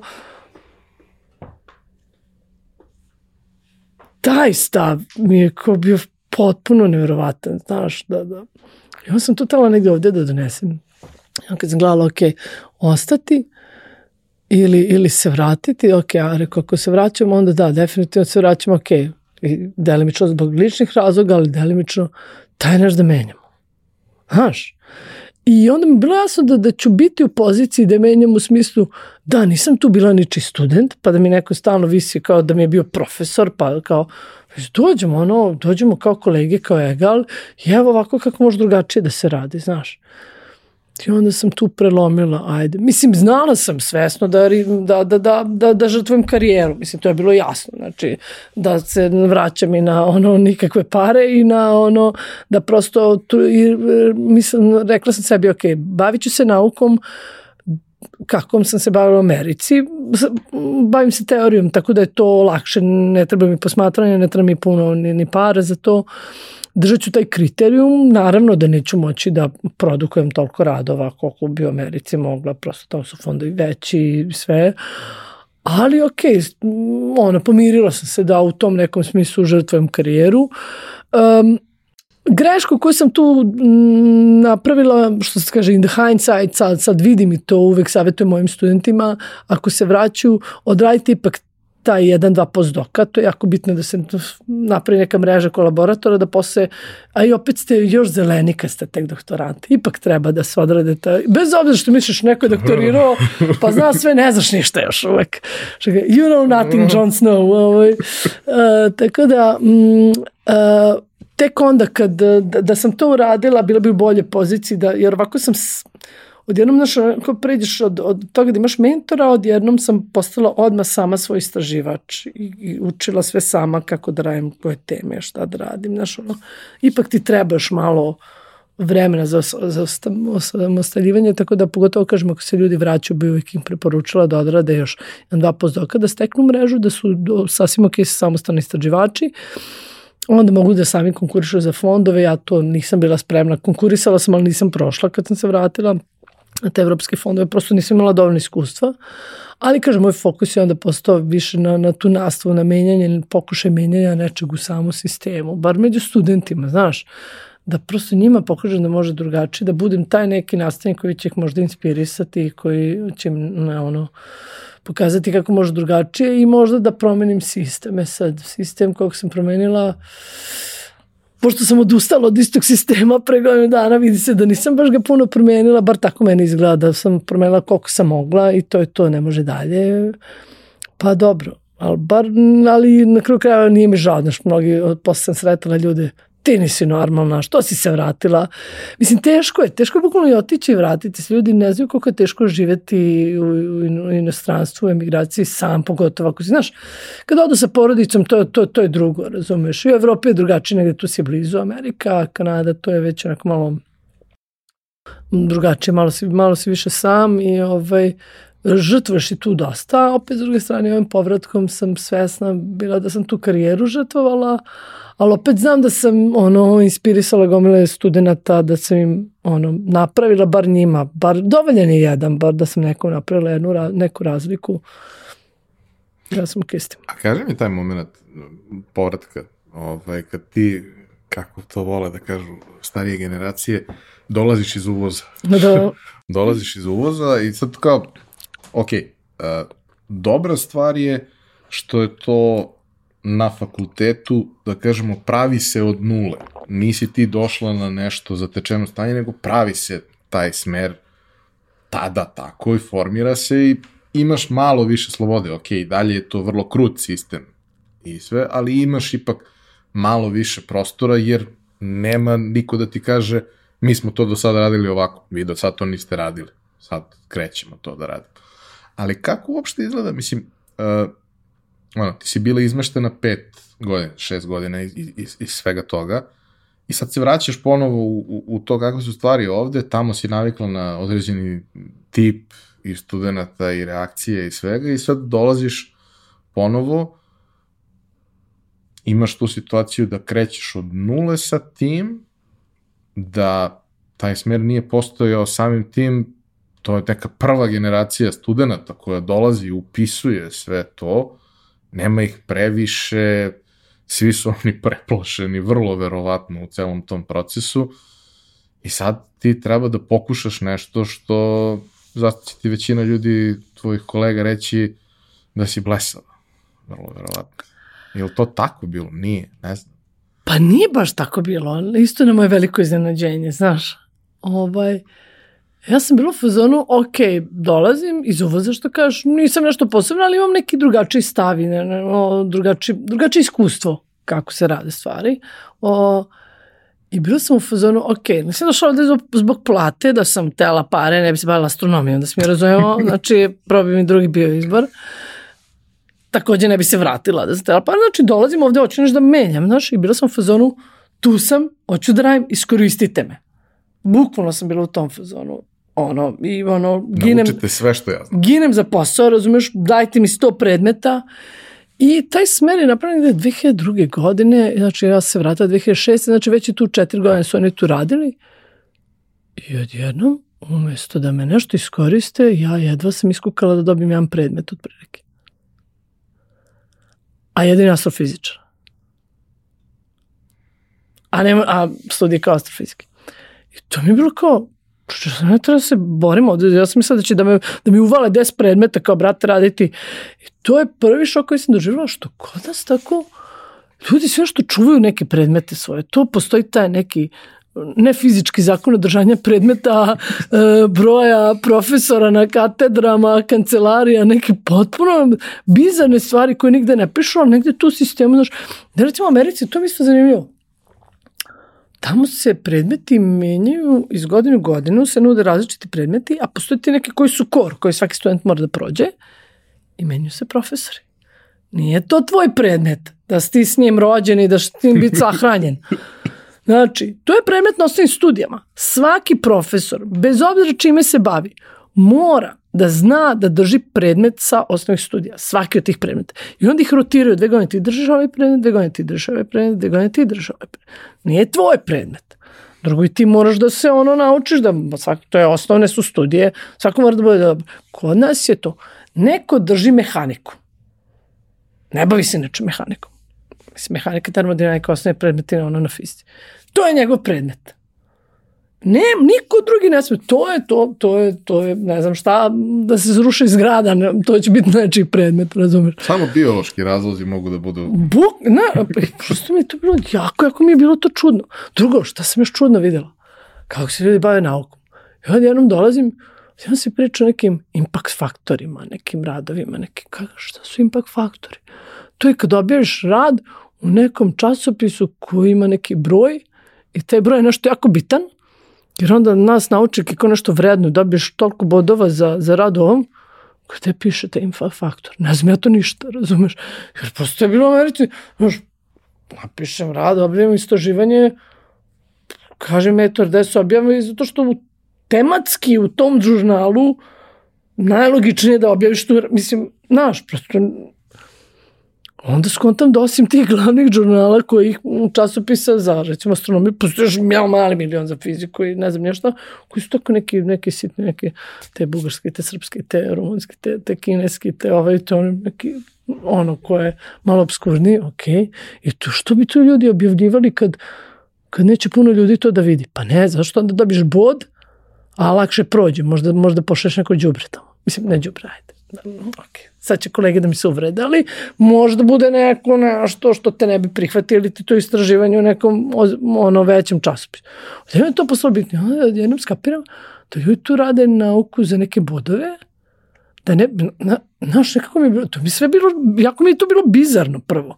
I na, do kraja mi je to ostalo da mi bude problematično kao, pojente da pišeš rad što uradiš neko istraživanje, i da ne bi ti stalo u fioci. Ja sam ja uradila to istraživanje, ne moraš ti sad da se mučiš, ja ću ti reći koji je rezultat, mislim, da ne možeš ti kroz to da prolaziš, objaviš rad, da prosto nekom uštediš vreme, a ne, ne, ne, kod nas je to, aha, ja hoću da budem, ne znam, profesor vanredni, a za to mi treba da sakupimo volko bodova, a, da bi dobio taj bod mogu da objavim, ne znam, dva rada u ovom časopisu ili des radova u ovom časopisu sa ovim impact faktorom i onda su stvari, aha, ajde, šta, šta možemo da napišemo za jedan dinar, za, za bod, znaš, ono kao, šta, šta mogu da kupim za 10 dinara, otprilike, možemo ovaj rad ovako napišemo i onda tako tu se to nešto skrpi i to mi je bilo jako čudno, a isto tako kažete, i predmeti se, su se čuvali, držali ko, ne znam ja šta, Tako da i neki drugi su ljudi vodili taj smer, nisam ja ni vodila taj smer.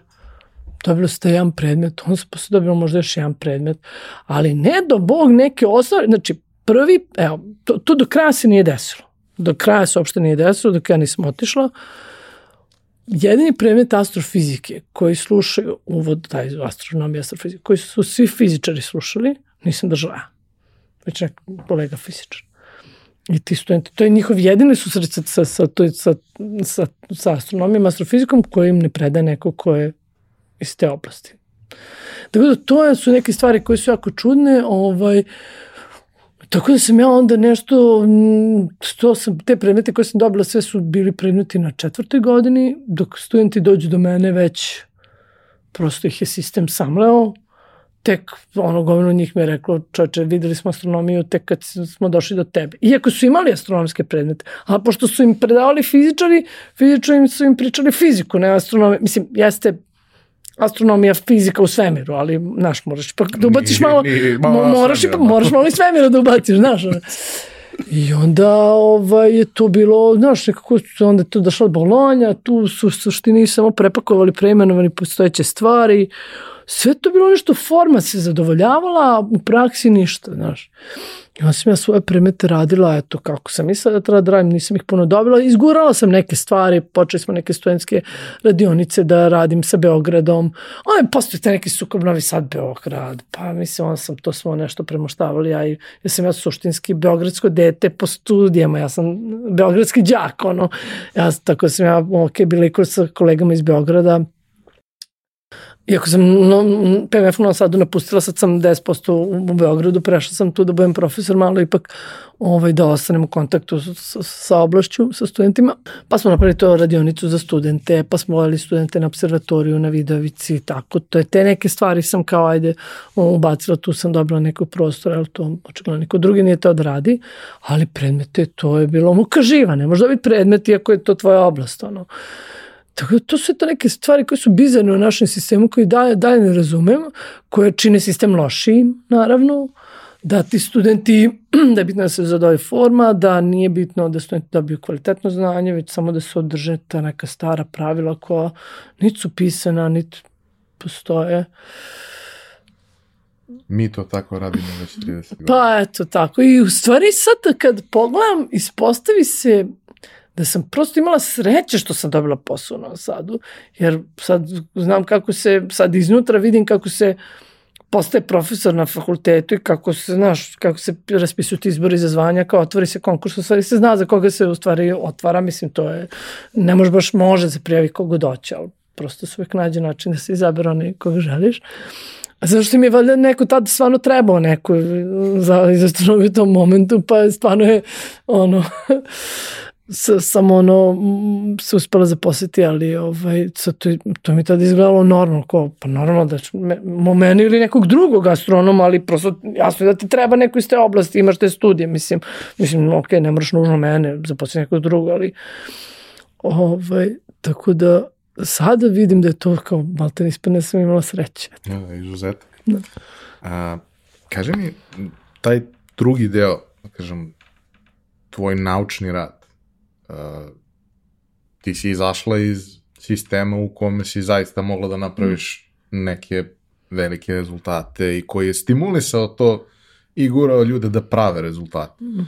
Došla si ovde, na neki način si probala da održiš to sve. Kako je to izgledalo? Šta si uopšte imala od mogućnosti? Da. Jer lagano u tom periodu, kada dolaziš, počinju da se javljaju i sve te stvari vezane za širokopojasni internet, mogućnosti da. vezane za to koji ti omogućavaju da ipak stvarno komuniciraš sa svima širom sveta i tako dalje. Da, pa to je, to je, to je bilo teško, ovaj, zato što, mm, ok, s jedne strane astronomija je dobra oblast, zato je uh, astronomski, ne, ne možeš da budeš i da imaš posmatranje na velikom teleskopu, astronomija je ono, da, podaci su otvorenog tipa. Znači, svi, sva, sve što na nekim teleskopima bilo šta snime, to je sve javno dostupno, ti možeš prosto da uzmeš podatke i zanaliziraš ih na svoj način, uradiš e, šta te zanima, tako da s te strane je to super, ali bio mi je problem i kažem, to je opet ono što bi ono, sad sa ovim znanjem sugerisala svim svojim studentima, bio mi je problem što sam ja e, se bavila jednom oblašću kojom se niko nije bavio u Srbiji. Znači, došla sam i odmah nakon studija, znači, bez tih postdokova iskustva, da radim nešto što nisam imala nikog s kim ovde mogu da radim tu nuklearnu čestičnu astrofiziku i dalje jedina malte to radi, moji doktoranti sad to ono, su nešto iz toga radili, ali u suštini nemam ovde saradnju u tom smislu. Možeš ti da se preusmeriš, ima tu dodira sa drugim oblastima, um, ono, sarađu, sarađu mi daje sa kolegama koji se ne znam, radi, astronomi, bilo čim drugim, ali ono, baš iz ove moje kor oblasti nema ljudi i to je malo teško tako raditi u vakumu. Drugo, bila sam u vakumu u Novom Sadu, okružena fizičarima, astronomi su ovde u Beogradu uglavnom i to je opet isto problematično, malo i teško. Nekako bez obzira što sam bila u Novom Sadu, kao astrofizičar nikad me nisu gledali kao, kao svog, nekako si uvek, znaš, aha, ti si taj astro, znaš, kao nisi, nisi, nisi fizičar. Čak su me nekad nazivali da matematičan, pošto sam, pošto sam završila na matematičkom fakultetu, pošto je astrofizika deo matematičkog fakulteta. Ovaj, tako da uvijek te neko gledaju sa strane i to je malo bilo teško, ali kažem, moja misija je bila ono, ajde nešto menjam mm, ono, u tim studijama, da, da, ali što se tiče istraživačkog rada, to je bilo problematično i onda nisam mogla prosto, znaš kako, naučici u Americi, kažem, pričam u Americi, znam taj sistem i generalno svuda, oni o, o publiku puno i rade puno istraživanja zato što imaju vojsku doktorana i postdokova. Znači, zato, kod nas ne postoji koncept inače postdoka uopšte. To su posebno finansirane pozicije doktorantske u Americi, u Evropi, kod nas, kod nas to ne postoji. Ovaj, Zato što, znaš, znači, m, oni odgiljaju taj, tu, tu tešku stvar. No, profesor je neko ko je istraživač taj senior, on da neki možda ideje, smernice, ali, znaš, prosto... Ima vojsku. Da, ima vojsku. Zašto je ta vojska bitna? Zato što ti na kraju kad pogledaš, ali to je situacija i ovde i napolju, kad se baviš naukom i kad si na fakultetu, realno tebi za istraživanje ode 10% tvog vremena. Ostalo ode na nastavu, ode na administraciju, na mailove, na pisanje projekta. Mislim, znaš, ode na sve i svašta, ne znaš ni gde ti otišao dan, na kraju dok dođeš do nauke imaš možda 10% ovaj, svog vremena da se baviš naukom, što je ni blizu dovoljno. Tako da se oni oslanjuju na, kažem, vojsku doktoranata, postdokova. S doktorantima je super, ali opet i to uložiš vreme, moraš ti da naučiš nekoga da radi neke stvari, znaš, i to je, ti investiraš to je jako puno, znaš. Tako da sam ja uglavnom to sama radila u vakumu i to se išlo mnogo sporije, nešto sam objavljivala, publikovala, to je bilo okej. Okay. A s druge strane, počelo je da mi smeta i ovo je globalni problem, znači ovo nije samo problem u Srbiji, prosto nauka je postala spora jako. S jedne strane je postala brza, imaš tu hiperprodukciju i istraživanje radova, A s druge strane, ulaganju te neke stvari koje mogu dovesti do nekog breakthrougha, nekih probe su postala jako mala. Uglavnom su ti neki projekti za koje, naš, konkuriš projekat da bi dobio pare, da bi mogo da zaposliš recimo doktoranta ili postdoka, da bi mogo da kupiš opremu, da bi mogo da iš na konferenciju, nešto. A, konkuriš za te projekte koji ti traže suštinski da si već odradio posao. Znači, to su projekti koji već traže neku siguricu, znaš, ono, da je već nešto odrađeno, opet, ako hoćeš nešto novo da probaš, znaš, ako nemaš sredstva, nemaš ni kako da probaš. Prosto je to postalo jako, ono se ide na sigurno, što što rekao ovaj, um, i naravno očekuje se da si već imao, ne znam, koliko publikacije za sebe. Re, to je rekao Peter Higgs, ovaj, po, po kome se zove Higgsov bozon, onaj koji se našli u CERNu. On isto imao neki mali broj publikacija radu, zato što su ta istraživanja, ta, ta, taj teorijski rad na kojem je on radio, mislim, to je dugo, to je godinama trajalo, decenijama to je danas katastrofa. Ti moraš danas da čak i u teoriji bar jedan, dva rada godišnje da objavljaš, znaš, zavisi koja oblast. Što nije realno, znaš, to je neko sitnjavanje da bi se pravila ta produkcija, onda kad se hiperprodukuju ti radovi, ti ne možeš da ispratiš, da budeš u toku sa svim i to je problem. I to je generalno postao problem u nauci globalno i ono što sam primetila da prosto taj neki breakthrough i taj neki cutting edge, bar u ovoj oblasti, se više dolazi iz privatnog sektora. Pa znaš, tako imamo SpaceX, razumeš, koji razvija te svemirske tehnologije, da je NASA stala, prosto šatel je doteran dokle mogu da dođe. I onda smo stali, ti tu nemaš nove, no, no, nova goriva, nemaš nove, nove znaš, ni, ni ništa urađeno na reusable raketama, mislim, gde onda velike kompanije koje i Google, Google X, znaš, koje imaju para, onda rade jako puno, rade medicinsko istraživanje, svašta nešto rade, te sve za razvoj tih tehnologija, ti oni upucaju neke sine količine paru, nešto proba, radi, ne radi, ok, idemo dalje. Ali to posmatra kao komercijalnu stvar. Pa da, ali razumeš, mislim, sve to i mi u nauci što radimo na kraju nađe neku primenu, ali znaš, dobiješ neku siću, gde prosto ti ne, ne dozvoljavaju da zaista pokušaš nešto što je in, ino, inovativno, zato što već mora da se vidi sigurica da će da bude zicer, da će da prođe, razumeš, da bi dobio neku siću, znaš.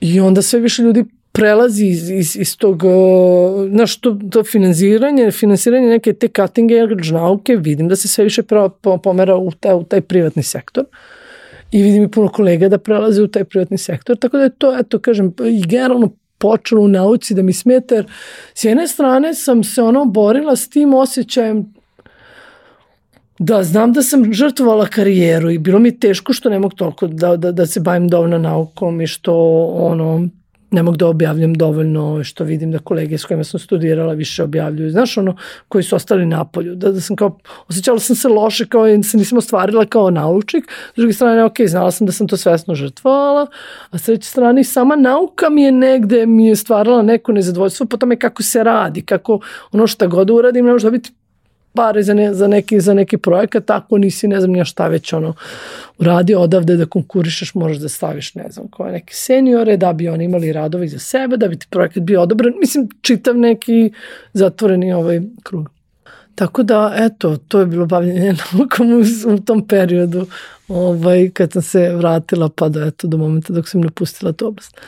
A kaži mi, taj moment kada si se vratila, htela da praviš tu neku vrstu razlike mm. i shvatila da, ok, s jedne strane imaš fakultet za to, naravno, tu predaješ i sve to ok, ali da bi dobijali veći broj studenta, da bi dobijali bolje studente, da bi oni bili motivisani, mora da se krene iz neke baze. Mm. Odnosno, mora da se krene sa tim delom popularizacije da. nauke, što smo mi kroz obrazovni program izgubili, ne postoji više u tom obliku, ali smo dobili Centar za promociju nauke, mm. Petnica je izašla iz okvira Petnice u nekom trenutku i krenula malo mm. da širi svoju bazu i da organizuje razne vrste otvorenih predavanja, skupova i tako dalje.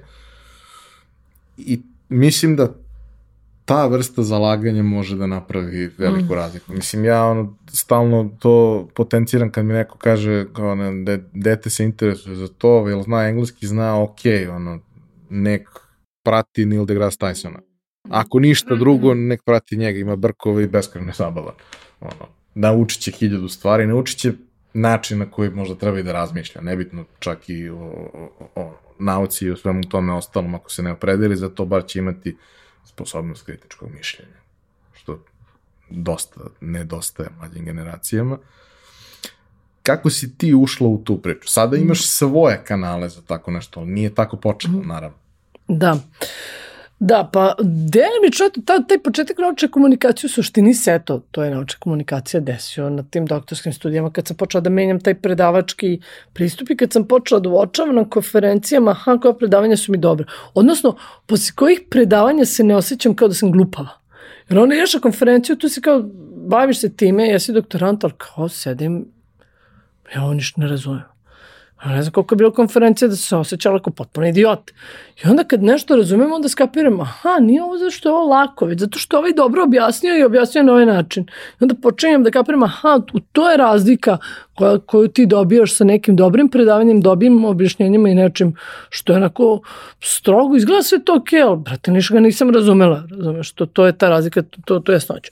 Znači, tu, tu, je, tu su već negde bili počeci, a onda to sećanje koje mi se urezalo iz 99. kad je bilo pomračenje sunca, ovde kod nas, kad smo mi išli i studenti se organizovali, otišli smo na Horgoš da gledamo pomračenje, dok je ovde po gradovima bila apokalipsa. Ljudi spustili roletne, žive, ma, znači prazan Novi Sad, prazan Beograd, prazan Užice, sve prazno, znači apokalipsa, ono, usred bela dana, kakav špic, svi zatvoreni, A ono na pragu novog milenijuma, znaš ono kao internet, kompjuteri, superkompjuteri, 2000-ta, ludilo, a mi kao pećinski čovjek, ono koji je pomračenje sunca, došao mesec između sunca i zemlje, svi u pećine, spustite do letne. I to je meni bilo jako traumatično sve strane, mislim, ok, bilo bombardovanje traumatično, ali ovo mi je bilo, ali ovo mi je stvarno bilo traumatično ono, ono s te strane, jer sam mislila, čoče, realno, ok, jest, jest, jesu političari dali obaveštenje na RTS-u, na vestima je rečeno, uđite unutra, spustite roletne, ok, jeste to bila neka propaganda. Ali čeče, zar nemaš toliko u glavi, toliko obrazovanja, toliko naučne pismenosti, da negde skapiraš mesec, zemlja, sunce, to se dešava stalno s nama, mimo nas, mislim, to je jedna prirodna pojava, neće biti ništa. Kako smo preživjeli do sada, preživit ćemo, mislim, i onda mi je postalo jasno koliko stvari fali te naučne pismenosti ovaj, kod nas i da bukvalno smo zato krivi mi. Obrazo, mi iz obrazovanja. E, to naš posao. I onda sam počela da shvatam, ok, sad će ovo biti još gore s internetom. Ovaj, ono što ranije smo ono, glavna tema oko koje smo se ono nešto, što bi još uvijek objavljao ovaj treće oko i ne znam, NLO i horoskop otprilike. I onda internet, i onda sad kreje sve više pričamo o zemlji, više nije lopta, već je ravna, pa mm. čovjek nije sletao na mesec, ok, pa, pa vakcine, pa, znaš ono, ovaj, ono đavo šalu, znaš, i I onda, znači, sam negde sa svom tom traumom pomračenja i tim što sam bila šta znači dobro objasniti stvari, sam došla vamo i kao počela više da držim nastavu tako malo drugačije i onda 2008. su me zvali iz British Council-a, oni ulažu dosta, Britanci su jako dobri u naučnoj komunikaciji, to znaju baš dobro da rade. British Council ovde u Beogradu, oni imaju isto neki budžet za, za tu edukaciju, ono, outreach, što kažu. I neku emisiju smo snimali sa RTS-om, neko popularno predavanje sam trebala da držimo tamni materiji. Sam to održala, to je da i daje nekada emituju na RTS-u i oni meni je, pa kao, znaš, kao ima pred, imamo neko takmičenje, neki Fame Lab, kao takmičenje za najboljeg mladog komunikatora, pa kao prijavi se na to, to je neko takmičenje koje je krenulo u Britaniji, pa sad je nešto globalno, pa rekao, ajde, kao šta treba, tri minuta nešto objasniš ne, nešto na, oko, rekao, super, to mogu, kao, e, kao nagrade prvih deset finalista, ne znam nija šta, dobio master klas kao neku obuku iz naučne komunikacije. O, rekao, super, znači baš briga za, za, za ono prvo, drugo, treće mesto, sam dođemo u prvih deset, da jer nemaš gde, prosto to je negde što ono kao aj sad treba da naučimo da pričamo dobro, ali niko ti to ne uči, znaš, to šta si pokupio ono samo. Rekao. I onda sam, ja pobedim na tom nacionalnom našem takmičenju, ali smo imali taj masterclass ranije, onda sam u, u, na tom međunarodnom takmičenju koje je bilo u Engleskoj, dobila još jedan masterclass i tako. I onda po, po, posle sam se tu povezala sa ekipom sa Festivala nauke Beogradskog, pa sam tu držala neko predavanje te godine, pa smo onda u Novom Sadu napravili 2009. festival nauke i u stvari onda sam krenula da, da, da prosto radim te stvari, jer sam, ha, ok, ovo je naučna komunikacija, s ovim mogu da rešim taj problem što smo imali s pomračenjem, da objašnjamo ljudima, jer sve se svodi na dobru naučnu pismenost. Znači, da, da je treba da budemo podrška onom školama, znaš, to, to, to, to sve što u školama ne uradiš, da, da prosto objasniš ljudima sa strane nekim drugim događajima, da, da vratimo ljudima veru onu u nauku, da, jer negde, znaš, od te potpune zalu, to je ono što, što smo uredno viđali tih, tih kad sam svaku tu festival nauke organizovali posle noći istraživača, dođe gomila klinaca, svi potpuno zapaljeni za nauku, zapaljeni, ono što god im pokažeš, ne samo dinosaurusi i svemir, već sve. I onda negde dođe u školi i onda to nestane. Neko ih ugase. To. I onda sam skotala, aha, ovi događaji su jako bitni da održavamo im tu vatru, da održavamo im tu ljubav prema nauci, znaš, ono je ta, da je u stvari ta naučna komunikacija zato bitna i onda sam počela da kapiram zašto je sve drugo bitna, znaš, ona naučna komunikacija, da ono od toga da im se održava ta ljubav prema nauci, da ono da krpiš te rupe koje nastaju u tom obrazovnom sistemu, do ono dešavanja, da kad se dešavaju tako neke stvari pomračene, da ljudi se ne sakrivaju, da kad se desi pandemija i da ljudi znaju da ono nije ti ono ne znam u maski i 5G antena koja ti privlači koronu. Mislim, znaš, i to ti odmah kaže koliko ovde u stvari nama fali te naučne komunikacije, jer nemamo toga. Znaš, u stvari, mislim da je ova pandemija baš u stvari pokazala značaj dobre naučne komunikacije. Da ti kad imaš situaciju da si suočen realno sa problemom, gde nauka ima rešenje, ali ne znam, znači to, to je nauka, ti sad ne, imaš neki problem, treba da ga rešiš, pa ti sad to istražiš. I onda su ljudi hejtali po mrežama, šta malo nam kažu ove maske dobre, pa malo one maske dobre, pa šta menju mišljenje naučiti. Naučnici menjaju da, mišljenje. Tako su ljudi to ono kapirali kao, znači da nemaju pojma. A onda je dobra naučna komunikacija će onda to što nauka menja svoje mišljenje, da objasni ljudima na dobar način da je to zašto smo radili istraživanja, da je ovo novi problem koji mi ne znamo, pa su onda odmah brzo rađene istraživanja koja maska bolje radi, u kojim uslovima 5 metara, 20 metara, koja vakcina, znaš, cilj dobre naučne komunikacije da to sve što je nauka radila objasni ljudima da nismo mi šizofreni i dokoni, da menjamo mišljenja, znaš, tako već da prosto je to proces ono bukvalno smo vidjeli nauku live na, na, na delu kako, kako I radi. Imaš taj moment da kao, nije stvar u tome da, neš, da je nešto dobro, a drugo je loše, nego je nešto dobro, a drugo je bolje. Da, da, da. Ti da. si izmerio da je 5% Da, tačno, bolje i tačno. nema razloga da, Da, ne tačno. probaš nešto što je 5% Onda bolje. primenjuješ, primenjuješ te mere. Znači Kao, koliko ti treba vremena da shvatiš da je nešto 5% bolje? Pa treba ti neko vreme. Mm, da, Ne da, da, da, ne možeš odmah. Da, i to, je, i to je baš ono što ljudi ne kapiraju, to često vidim, znaš, ono, kao teorija, samo teorija, sve samo teorija. Bukvalno sve imamo teoriju i sad samo skupljaš dokaze. Ima ohrpa dokaze iz ove teorije, iz druge teorije ima ovako malo dokaze, iz treće nema ništa, razumeš? Mislim, svaka teorija je samo teorija u smislu da nikad nisi 100%, ti uvek samo gradiš količinu, količinu dokaza, znači ljudi imaju taj problem s tim i ljudi imaju problem sa tim da kad nauka nešto drugačije zaključi, misle da to nauka menja mišljenje. Kao. Da, znači, to ako si se zakucao u svoje, da je to znači da znaš šta radiš. Ljudi ne kapiraju da to ne, ne znači da, da, da pojenta nauke, istraživanja, da to evoluira, da, da prosto kad si sakupio dokaze, ok, si s tim da promeniš mišljenje, prosto ne podržavaju dokaze više to, pa sad misliš nešto drugo, zato I što... ta promjena mišljenja nije nešto što, Što dođe, loše. što ti dum. Da, da. nego potrebno je vreme da se akumulira Mm. gomila stvari koje kažu sad ok, sad više prvo nismo sigurni, a onda sad već je izvesno da jasno. ovo ima više Mm. smisla. I mislim, znaš, to je ona situacija sa kojom smo se, nažalost, većina u, u životu sreli, a to je da, ono, roditelji ili neko sličan, neko teško oboljenje i sad št- šta raditi u toj situaciji? I niko ne zna šta raditi Da. u toj situaciji. Ali kao moja logika, iako sam inženjer naivac, nisam još diplomirao i tako dalje, te diplomski već četiri godine stoji da se napiše, ovaj, moja logika, ono kao neko ko misli da je, da je elementarno pismenje, ima neko ko se bavi time. I možda veruješ nekome ko je posvetio svoj život tome i bavi se time, a možda veruješ i konobaru. Možda voliš konobara, to koji ti savjetuje, ili drugara, ili kuma, ili ono, nemam pojma, autolimara, nije bitno. A ovaj čovjek je proveo život bavići se tim. I nije stvar u tome da ako izabereš tu opciju, da si sigurno pobedio, nego da imaš najbolje šanse. Mm. I to je to. Da, da, I može to da se sam- desi, sve si uradio kako treba i na kraju nije ispalo kako treba. Mm, To je život. da, Mislim, to tako funkcioniš. tačno, tačno. Ali gledaš da imaš najbolje šanse.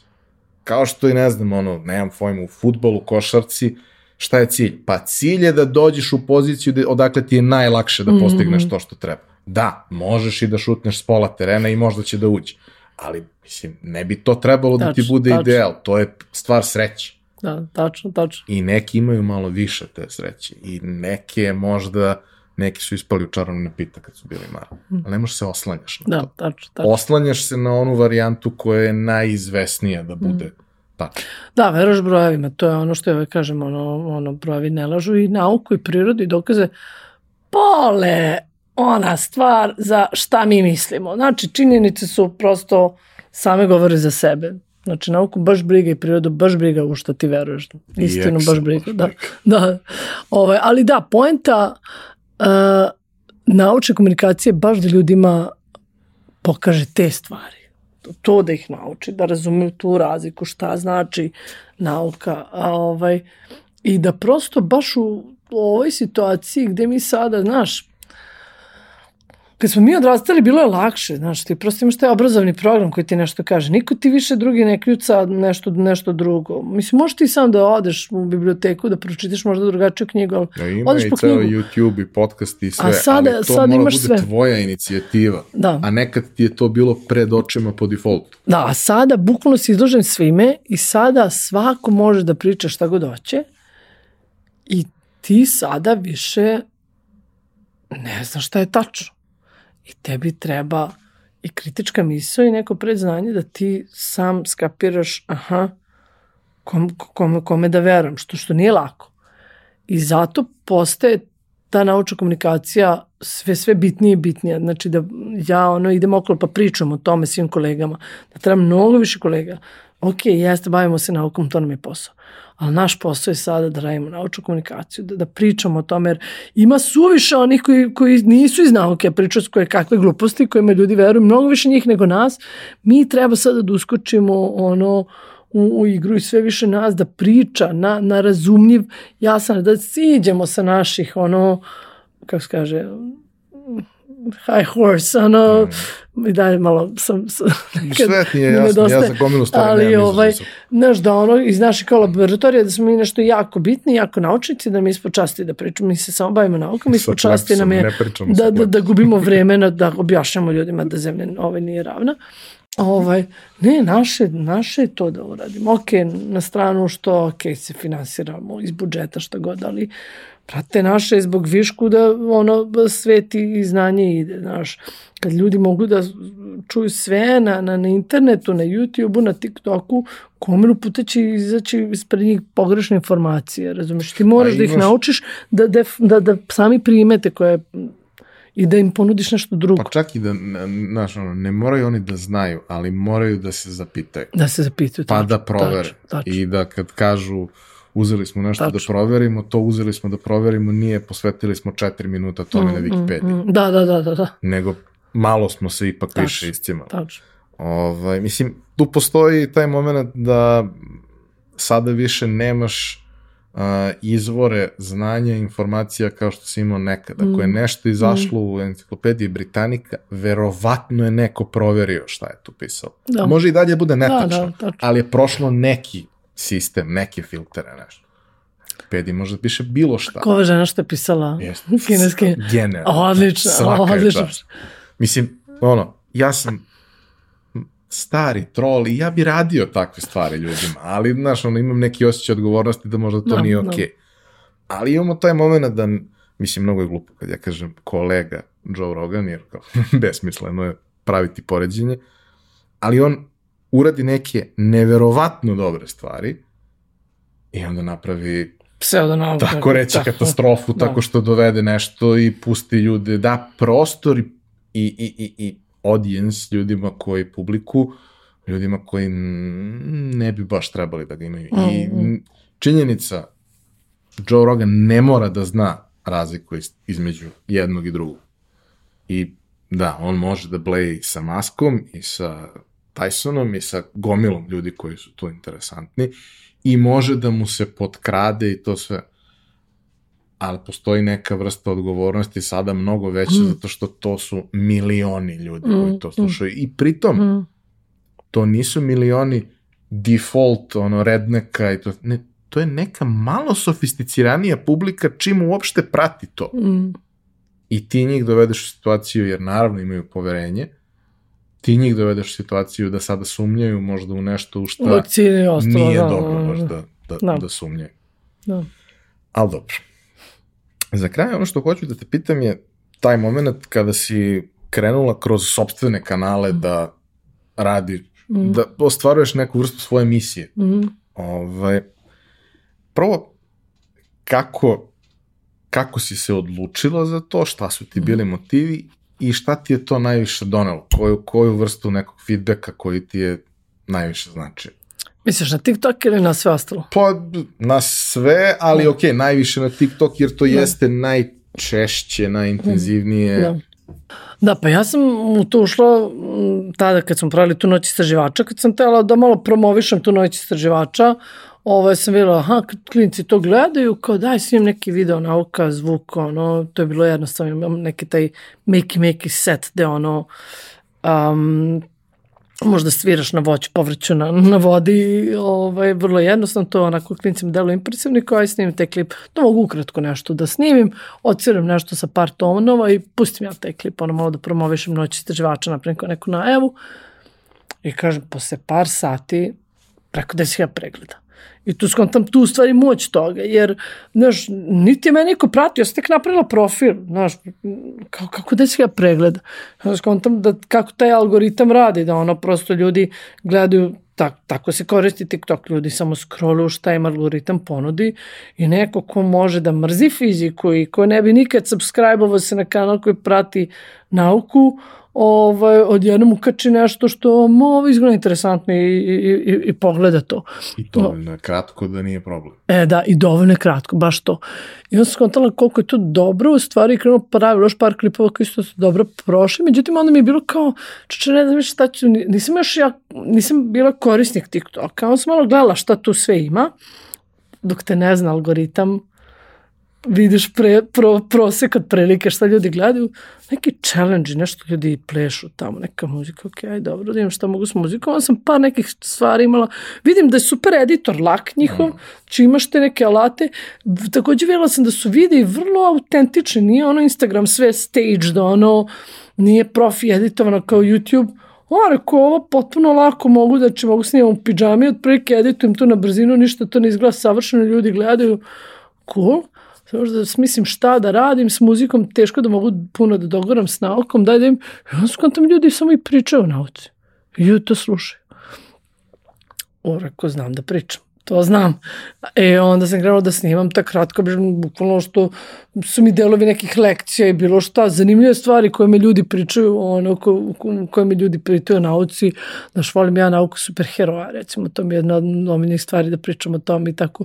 I krenula da snimam te kratke, ono, priče o nauci od po minut i tako je to krenulo i vidim da postoji interesovanje. To je ono što ja kažem, Znaš kao pitaš ljude, jel vole fiziku? Kao ne, vole fizika je namrženi predmet, tako to. A od onda na noći istraživača festivala nauke, gde većina demonstracije su stvari iz fizike, to im je najzanimljivije. Ovaj, I opet prate mene i prate, ne znam, jako još gde, gde u suštini pričamo o, o fizici. Znači, postoji interesovanje za to ako se pokaže na pravi način. Znači, ljudi ne mrze fiziku. I to, i to su mi ti najdrži momenti, ono kad mi ono na TikToku neko napiše kao zbog tebe sam zvolao fiziku, kao mrzao sam fiziku, a sad mi je super ili tako nešto.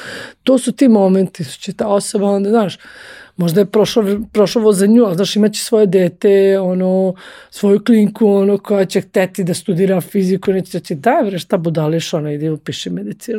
Pusti, znaš, ono će shvatiti da ima lepoti u tom i da je to nešto čime neko može da se bavi, znaš. Tako da sam skontala da je, i znaš, i onda kad ranije sam radila, sad ne stižem te live-ove, gde se live uključiš, kao neka učionica, kao bukvalno velika digitalna učionica, neki Q&A, radim random, ljudi me stvari pitaju o, nau, o nauci nedostaju mi negde popularna predavanja koje, koje, koje držim i ruživo vidim ljude onako.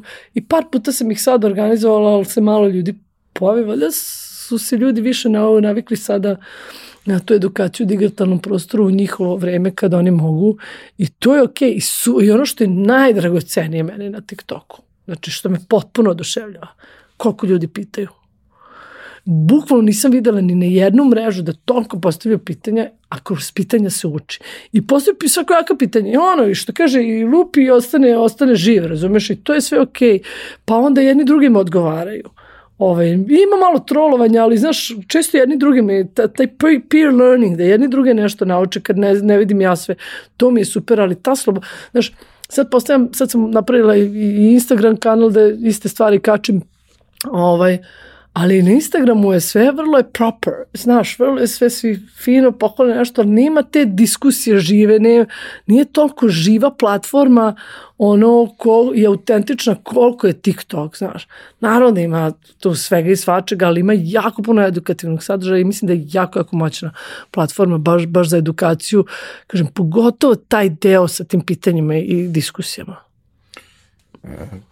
Hvala ti mnogo što to radiš, jer zahvaljujući tome što ti to radiš i još neki ljudi što to rade, ja svaki dan u svom životu imam minut, dva, tri nečega što volim, a zašto ne bih našao vreme. Mm. Ali ovako ću naći vreme zato što je to nešto što radim usput. Mm, mm. I super mi je da pored nečeg beskreno glupog, zabavnog, debelih životinja i svega ostalog što volim, da mi naleti nešto što mi trigeruje da.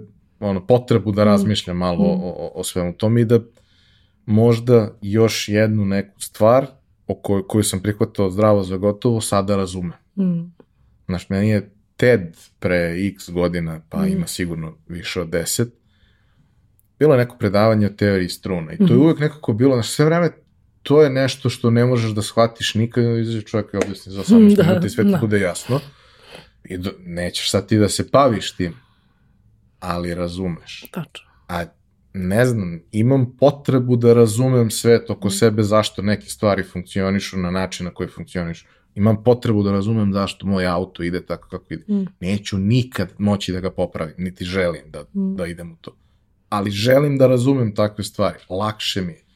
I kad imaš taj neki, tu neku širinu i taj veliki korpus znanja iz najrazličitijih oblasti, možeš da ih kombinuješ na načine koji su Mhm, potpuno mhm, čudni, ali jeste. su samo tebi jasni i zbog toga napraviš neku razliku i budeš bolji u Mhm. tome što radiš. Mhm. Ono kao, možeš da budeš bolji kuvar zato što razumeš košarku i Mm, nešto što nema veze ni sa čim. Da. To je, to je ono što je wow i to je ono što ti Mm. donosi ova, ova sad situacija gde ti je svo to znanje suštinski na raspolaganju, Mm. samo treba da znaš da ga tražiš i da ga nađeš. Da, da, baš to i to mi je, zato mi je ta dobra fora s tim pitanjima na TikToku, postavili tako najkreativnije, najnepovezivije stvari. Znaš, postavili pitanje tipa, znaš, šta je bilo da nema meseca? Znaš, i opet, mi u školi daješ, šta je problem? Mislim, ok, to, to mi je druga odvojena tema, tu možemo još dva sata pričati kako obrazovanje treba da se menja, znaš, kako, je, kako se nama s mrežama način komunikacije, način učenja, način svega promenio, obrazovanje je ostalo isto u učionici, iz knjiga, ovo ono. To više tako ne može. I mi u učionici učimo onako linearno znanje, znaš kao samo jedna, jedan podatak i uglavnom biflo ljudi, ne nauče funkcionalno, već naš treba, aha, to tako, tako. I onda kad im daš, kad ih staviš situaciju novu, šta je bilo da nema meseca, oni ne znaju da daju odgovor na to, jer nisu, napra, nisu sistem, znaš, nisu složili to znanje u glavi, tako da No, znaju nemaju veze. kontekst. Imaju samo, znaju da postoji mesec, znaju sve o mesecu, Znaju, da, da, ali ne znaju, znaš, faktografski. ne znaju da uče te veze, ha, da posto, ne postoji mesec, mesec utiče na ovo, ova veza bi se pokidala. E, I to je ono što ja isto pokušavam kroz, kroz TikTok sa takvim, imam, imam tu sekciju koju zovem ŠBBK, baš sam bilo kada je bilo često inspirisano time što me ljudi pitaju, Znaš, dajem ti neki bili vanzemaljski detektivi, to ja volim, što volim vanzemaljce, pa kao ajde zamislimo kako bi planeta vanzemaljca koja ovako izgleda mogla da izgleda. Opet, da ja protorim nauku kroz neki hipotetički scenariju.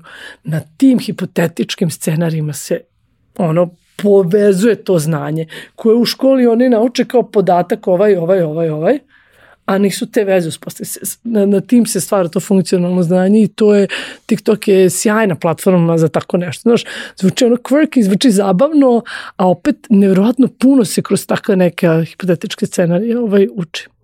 Imao sam jednu situaciju pre par meseci, sam držao neko predavanje iz oblasti marketinga koji mi jeste, da kažemo, domicilna oblast. I uh, jedna tema o tome kao šta je razlika u, u storytellingu, šta je razlika između onoga što mi radimo i onoga što radi što rade Amerikanci kroz kinematografiju, mm. primjer iz kinematografije, jer to je dovoljno poznato svakom. Mm. Onda sam uzao dva primjera bijelinih filmova, jedno je Montevideo, drugo je Toma, i uzao sam primer Odiseje 2001. Mm. Kažem, evo ovako, znači mi imamo dve stvari, Jed, jedno je događaj sa više ljudi, drugo je život mm -hmm. jednog čoveka. I oba filma su snimljena tako da su i film i serije i tako dalje, da, da su ljudi neverovatno emotivno reagovali na to sve. Sa te strane zanatskog storytellinga to je ispričano mm, brutalno, no. snimljeno dobro, sve super. Samo je neistinito. Bazično je neistinito i jedno i drugo. Znači, ono što ti je potka priča o Montevideo se nije tako desilo, ključne stvari iz filma Toma se nisu tako desile, likovi su izmišljeni, znaš, to je pesnička sloboda. Pesnička sloboda kad radiš biografski film ne postoji. Mi imamo nešto što je neverovatno, nabijeno emocijama, ima jako dobru priču i mi ga ispričamo tako da ne bude istinito. A oni uzmu nešto što ne postoji i ti pogledaš i to je istina. Da. Ne postoji, ali je istina kako može da bude istina nešto? Pa može da bude istina, zato što ljudi koji su uključeni u taj proces su to napravili tako da bude najbliže istini što može da bude, jer nije poenta u tome da ti ispriča nešto što ćeš za pet godina shvatiti da je potpuno besmisleno. Ne, nego nešto što za 5, 10, 20, 50 godina mm. će i dalje biti relevantno i dan danas, 50 no. godina kasnije i kad pročitaš i kad pogledaš, to je to. I na kraju dana toliko ljudi je zbog toga otišlo u nauku. Da, da. zato što je odraslo na takvim stvarima. E sad, to je ono, velika, skupa, komplikovana produkcija. Ti to radiš u bite-size chunks. I mnogo ti hvala na tome i mnogo ti hvala što si, što si bilo u podcastu. I hvala i vama što to slušate i što želite to da slušate i hvala na pozivu. Hvala vama što ste nas slušali. Sva pitanja, komentare i slično ostavite na, na YouTube u komentarima. Ako imate neko pitanje vezano za nauku, znate gde možete da nađete Tijanu na, na TikToku, uh, Dr. Cosmic Ray. Hvala vam, to bi bilo to za ovu nedelju. Vidimo se ponovo naredne nedelje.